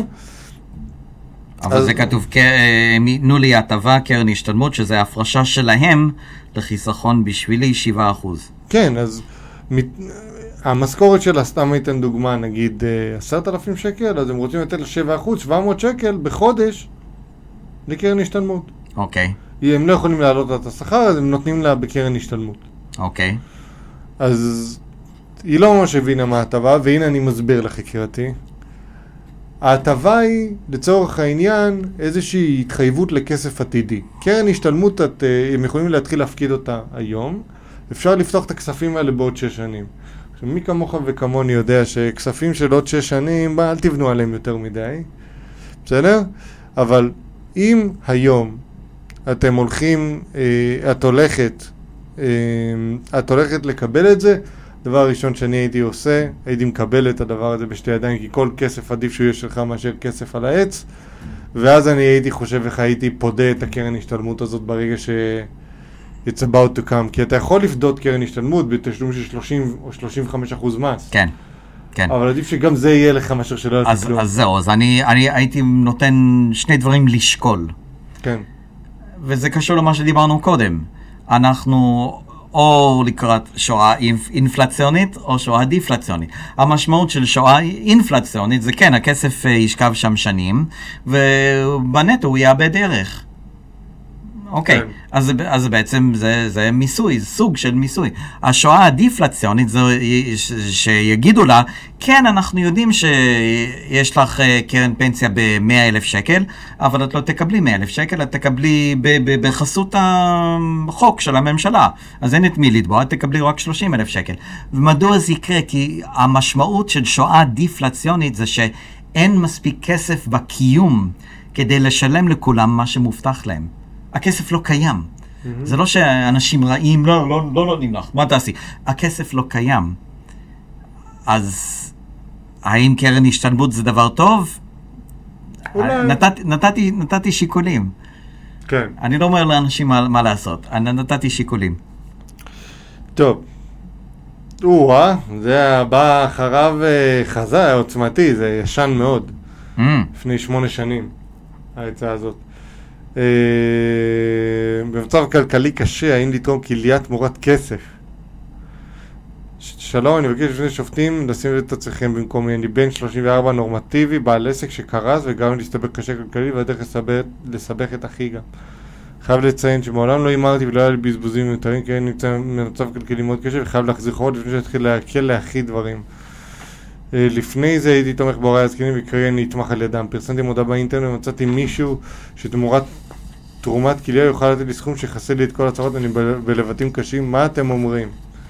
מבחינה אנרכיסטית, בסדר, עסקה מרצון. לגמרי. אנשים בזמנים קשים, ולצערנו יהיו הרבה מאוד אנשים בכל מיני מצבים קשים. אם זה יהיה עד כדי כך כמו זה, אני לא יודע, אבל בהחלט יכול להיות. אז אנשים עושים דברים קשים כדי לשרוד. כן, אני חושב שהבחור הזה לא היה אכפת לו ללכת נגיד להוצאה לפועל, לעשות את התהליך של הוצאה לפועל, אם אחיו לא היה מעורב בעניין. Mm, יכול להיות. זה, זה נראה לי הסיפור, כי הוא מציין אותו פעמיים. כן, ככה זה נשמע לי. כן. אה, תשמע, אתה עכשיו הולך לקחת חלק מהגוף שלך ולתת אותו לאדם זר. אני אומר לך בשיא הכנות שאם אני היה לי את האומץ הזה לעשות דבר כזה, הייתי עושה דבר כזה. אה, אבל תדע שאתה לא תוכל להשיב את הגלגל לאחור. נכון. אה, אבל למרות זאת, ולמרות שזה לא מהמניעים הנכונים, אתה עדיין עושה מצווה גדולה. אז- להציל חיים. כן, להציל חיים. כן. אז תחשוב, יש לך פה גלגל. להציל חיים, אה, לקבל המון כסף ולהתגבר על כל הבלגן שהיה לך בעסק, מהמם. אל מול לשמור על הגוף שלך אה, עם שתי כליות. אז זה התלבטות. אני, אני, לא, אני לא הייתי בנעליים שלך, אז אני לא יודע להגיד לך. אבל אה, בוא נגיד שזה משהו שלא הייתי פוסל על הסף. במיוחד אם הייתי רווק. אתה יודע? כן. יש אופציה. יכול. אגב, אה, חבר שלך, משה פייגלין, תרם כליה לפני שנה, שנתיים. לא ידעתי. כן, כן. מדהים. הוא בן אדם נדיר, פשוט אה, מנסה להיות מיינסטרים. אני אה, הולך לעצה הקרובה. אה, זכיתי בלוטו בסכום ענק, איך לא לאבד את הראש. איפה זה? זכיתי בלוטו בסכום ענק, איך לא לאבד את הראש. כן. היי, אני כל הזמן ממלא את לוטו עד שתפס אחרי הרבה שנים וזכיתי, ברוך השם, לסכום ענק. איך אני, מרגיש, אני מרגישה שאני משתגעת כשאני חושבת על הכסף שיש לי בתוך החשבון עד כדי כך שבגלל הסכום בתכלס אני לא צריכה לעבוד המון המון שנים, איך אני רוצה להמשיך בשגרה, איך אפשר לא לאבד את הראש. היה ליין של פרסומות של מפעל הפיס. שמעת עליהם? ראית את זה פעם? לא, לא, לא זכור לי כרגע. שלושה חברים מגיעים לשטיפת רכב, נגיד, והבחור בא, שואל אותו השוטף, אומר לו, תגיד, אה, תגיד, מה אתה רוצה לעשות? ואז הוא אומר לו, שטיפה, אתה יודע, מה שצריך. ואז הוא אומר לך, לשים גם פוליש וקס? כן. ואז כאילו כל החבר'ה מסתכלים עליו, מה, יש לך מלא כסף כאילו? כאילו זכית בלוטו פתאום? כן. אז uh, הם עשו line של פרסומות כאלה שהיו מצחיקות ממש. פשוט line של סיפורים מצחיקים וכאילו קטעים מצחיקים כאלה ובסופו של דבר אם אני לוקח את זה איך אפשר לא לאבד את הראש בתקופה הנוכחית במיוחד אה, זה לעשות תמהיל של סיכונים Mm. שיהיה הרבה כסף שימשיך לתת לך עוד כסף, גם אם זה פיאט. אמ, להשקיע בנכסים פיזיים, בין אם זה זהב או בין אם זה נדל"ן, לצורך העניין, מהמם. כדי שיהיה, אנשים הרי יגורו ברמה מסוימת ב- במקומות מסוימים, בין אם זה זהב או בין אם זה נדל"ן או בין אם זה כל נכס פיזי אחר. אמ, ובעיקר, חי את החיים באיזי, כי לא משנה איזה סכום עכשיו הכנסת, אה, הבריאות שלך זה מה שמשנה. הייתי לוקח את החיים באיזי, עובד באיזי, נפגש עם חברים. זה הדברים שהייתי עושה, מה שאתה אומר על אה, אין דבר חשוב מנכסים, מנכסים אמיתיים, חברים אמיתיים ו... כישורים אמיתיים. וכישורים אמיתיים. כן. והדבר השלישי זה באמת לעשות איזשהו ריפוי בעיסוק או משהו בסגנון, או אפילו ללכת ללמוד להיות אחות בבית חולים, מה אכפת לך? לעסוק בדברים, לעסוק בדברים שגורמים לעולם להיות, להיות. מקום אחר, כן, להיות טוב יותר. להיות טוב יותר, כן. זה מה בהחלט. ששומר על שפיות. ולגבי אה, מה שאמרת, מסכים לגמרי, עם, עם, עם דגש על נכסים פיזיים. כן. נכסים פיזיים ש... ש... אפשר גם להשקיע בבורסה ודברים כאלה, אבל לך תדע מה יקרה בתקופה אני, אני חושב כן. שזה דווקא זה, כן, זה, זה דווקא מה שנקרא, כן יכול לה- להוביל ל- לאבד את, את הראש. אם בן. אדם באמת רוצה שקט, נכסים פיזיים, פיזור כזה או אחר. אה, פיזור סיכונים, כן. פיזור סיכונים. היא עכשיו קיבלה, כמה- סתם אני אתן דוגמה, 10 מיליון. המון המון פיזור סיכונים. המון המון, כן. כן. לחיות, אה, לחיות בסבבה. זה מה שאני הייתי, אם עכשיו היה נופל על ה-10 לגמרי. מיליון, קונה איזה דירה, כל השאר משקיע זהב, נכסים פיזיים. כן. זהו. נח. נח, בדיוק. עושה את מה שאני אוהב, הולך לאמן כדורסל. נח. להשקיע בכדורגל. אה, לא כל כך. טוב, בוא נעבור ל section האחרון שלנו, מוזמנים לתת לנו לייק, comment, share ו subscribe בכל הפלטפורמות. אה, שאלות מטומטמות, אז אה, טוב, זה הראשונה, היא לא כל כך שאלה מטומטמת. נכון. להשקיע בכסף או בזהב? להשקיע בנכסים פיזיים. נכסים פיזיים. כן. אה, אני מקבל. אם אתה גר בארצות הברית, ספר על חמשת המדינות בהן היית מעדיף לגור בהן. יש לך רעיונות? אה, בוא נראה אם אני יכול למצוא חמש. טוב, יש את פלורידה, זה הכי... אה, כן, הכי לאחרונה. יש אה, אולי את איידהו, יש אולי את אלסקה. מה טוב באיידהו? מה? מה טוב באיידהו? הרבה אה, אדמה יחסית בזול, אנשים יותר שמרנים, שמרניים, אמיתיים מה שנקרא, אה, מקום להתפתחות, סאות' דקוטה, דקוטה הדרומית, שזה גם כן היה אחת המדינות היותר חופשיות, שעד כמה שידוע לי, אה, לא היה כפייה של מסכות, לא היה סגר, לא, הכל היה מה שנקרא ביזנס as usual. כן, אמרו לאנשים, אתה רוצה להשתתף בניסוי גנטי, תעשה מה שאתה רוצה, אנחנו לא כופים עליך שום דבר, מה שנקרא שפיות. אז uh, הנה, יש שם כבר שלוש מדינות, uh, uh, רגע אמרנו, אה, פלורידה, אלסקה, איידהו, ודרום דקוטה. דקות- אה, צפון, דרום דקוטה, כן. ואולי טקסס. כן, שם, אה, אגב, אני לא יודע אם אתה מודע לזה, אבל הרבה מאוד מעשירי קליפורניה מתחילים לעבור לטקסס בגלל הטבות במס, בגלל מגורים יותר טובים, בגלל חלק הזדמנויות עוברים עסקיות. לפלורידה, חלק עוברים, עוברים ללאס וגאס, חלק אה, בכלל, אה, מה שנקרא, לא יודע אם לקרוא לזה חכמים יותר, אבל הנועזים יותר, שבאמת, מה שנקרא, רוצים לצאת לגמרי מ- מרשת ה- המיסוי, ה- זה, אז לפעמים עוזבים, עוזבים את ארצות הברית בכלל, לפעמים אפילו מוותרים על אזרחות אמריקאית. אה, וואלה. כן. אה, מה, כל מיני אירלנד וכאלה? אה, כל מיני מקומות בעולם. וואלה. כל מיני מקומות בעולם. אמ, אז זה לגבי חמש מדינות, אבל אוקיי. מבחינתך לגדל חיה או צמחים? זה או זה או זה? או זה או זה. או מוות. אז חיה. חיה, איזה חיה? כלב. כלב. אתה יודע מה אני אוהב בכלבים? כלום. לא. לראות אותם מבסוטים כשהם יוצאים. הם יוצאים כזה, כן. זה משמח אותי. עושה לי טוב בלב. לראות כלב מבסוט, זה אומר שגם הבעלים שלו סך הכל בסדר. אין כמו כלב. כן, זה נכון. אמ, הופה, יש פה שאלות? אף אחד פה לא שאלה מטומטמת, דרור, בואנה. תאר לך אה, מה הוא היה מביא שאלות כן, חכמות. כן. ה... האחרון מטומטם, אבל עוד שנייה נגיע אליו. עדיף להגשים את השאיפה שלך לחיים או לפתור את החרטה היחידה שהייתה לך? להגשים. אני מסכים.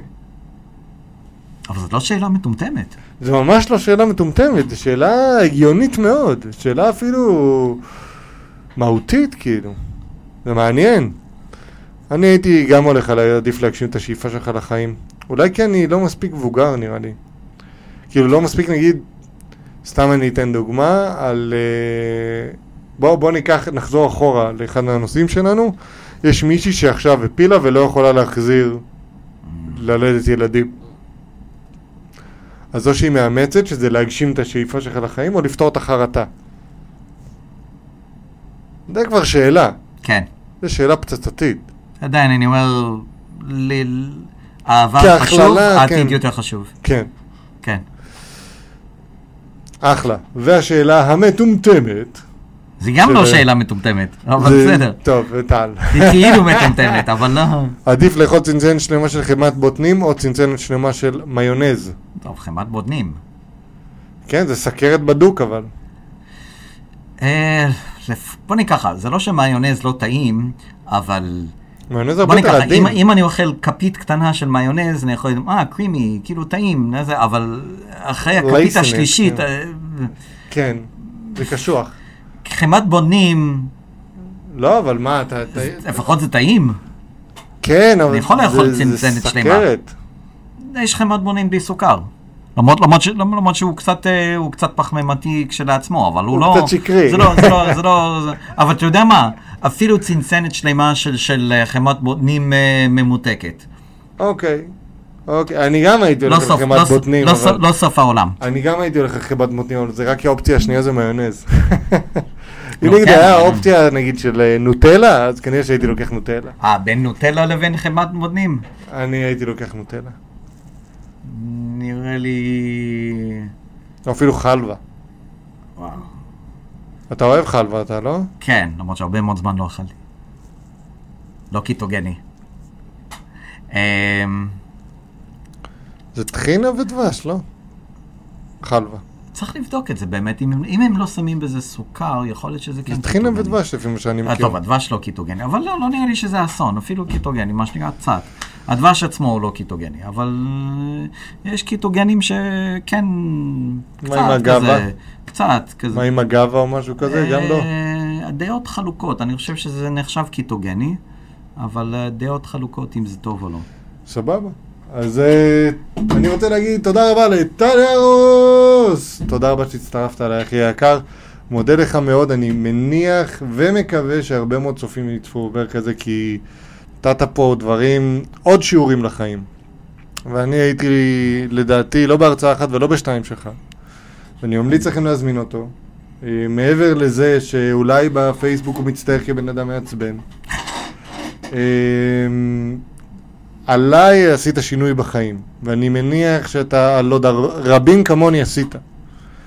יש. אה, אז, אז אני מאחל לך המון הצלחה, ואני מאחל שיקבלו את הרעיונות שלך. כמו שאני קיבלתי אותם, ועכשיו אני מרגיש שהם הרעיונות שלי. אז זה בעניין הזה. מעבר לזה, תנו לנו לייק, comment, share, subscribe. באתר שלנו nocensorship.com או באחד מהפלטפורמות יוטיוב, פייסבוק, אינסטגרם, גוגל פודקאסט, אפל פודקאסט, ספוטיפיי, מיקס קלאוד. יכול להיות שפספסתי משהו.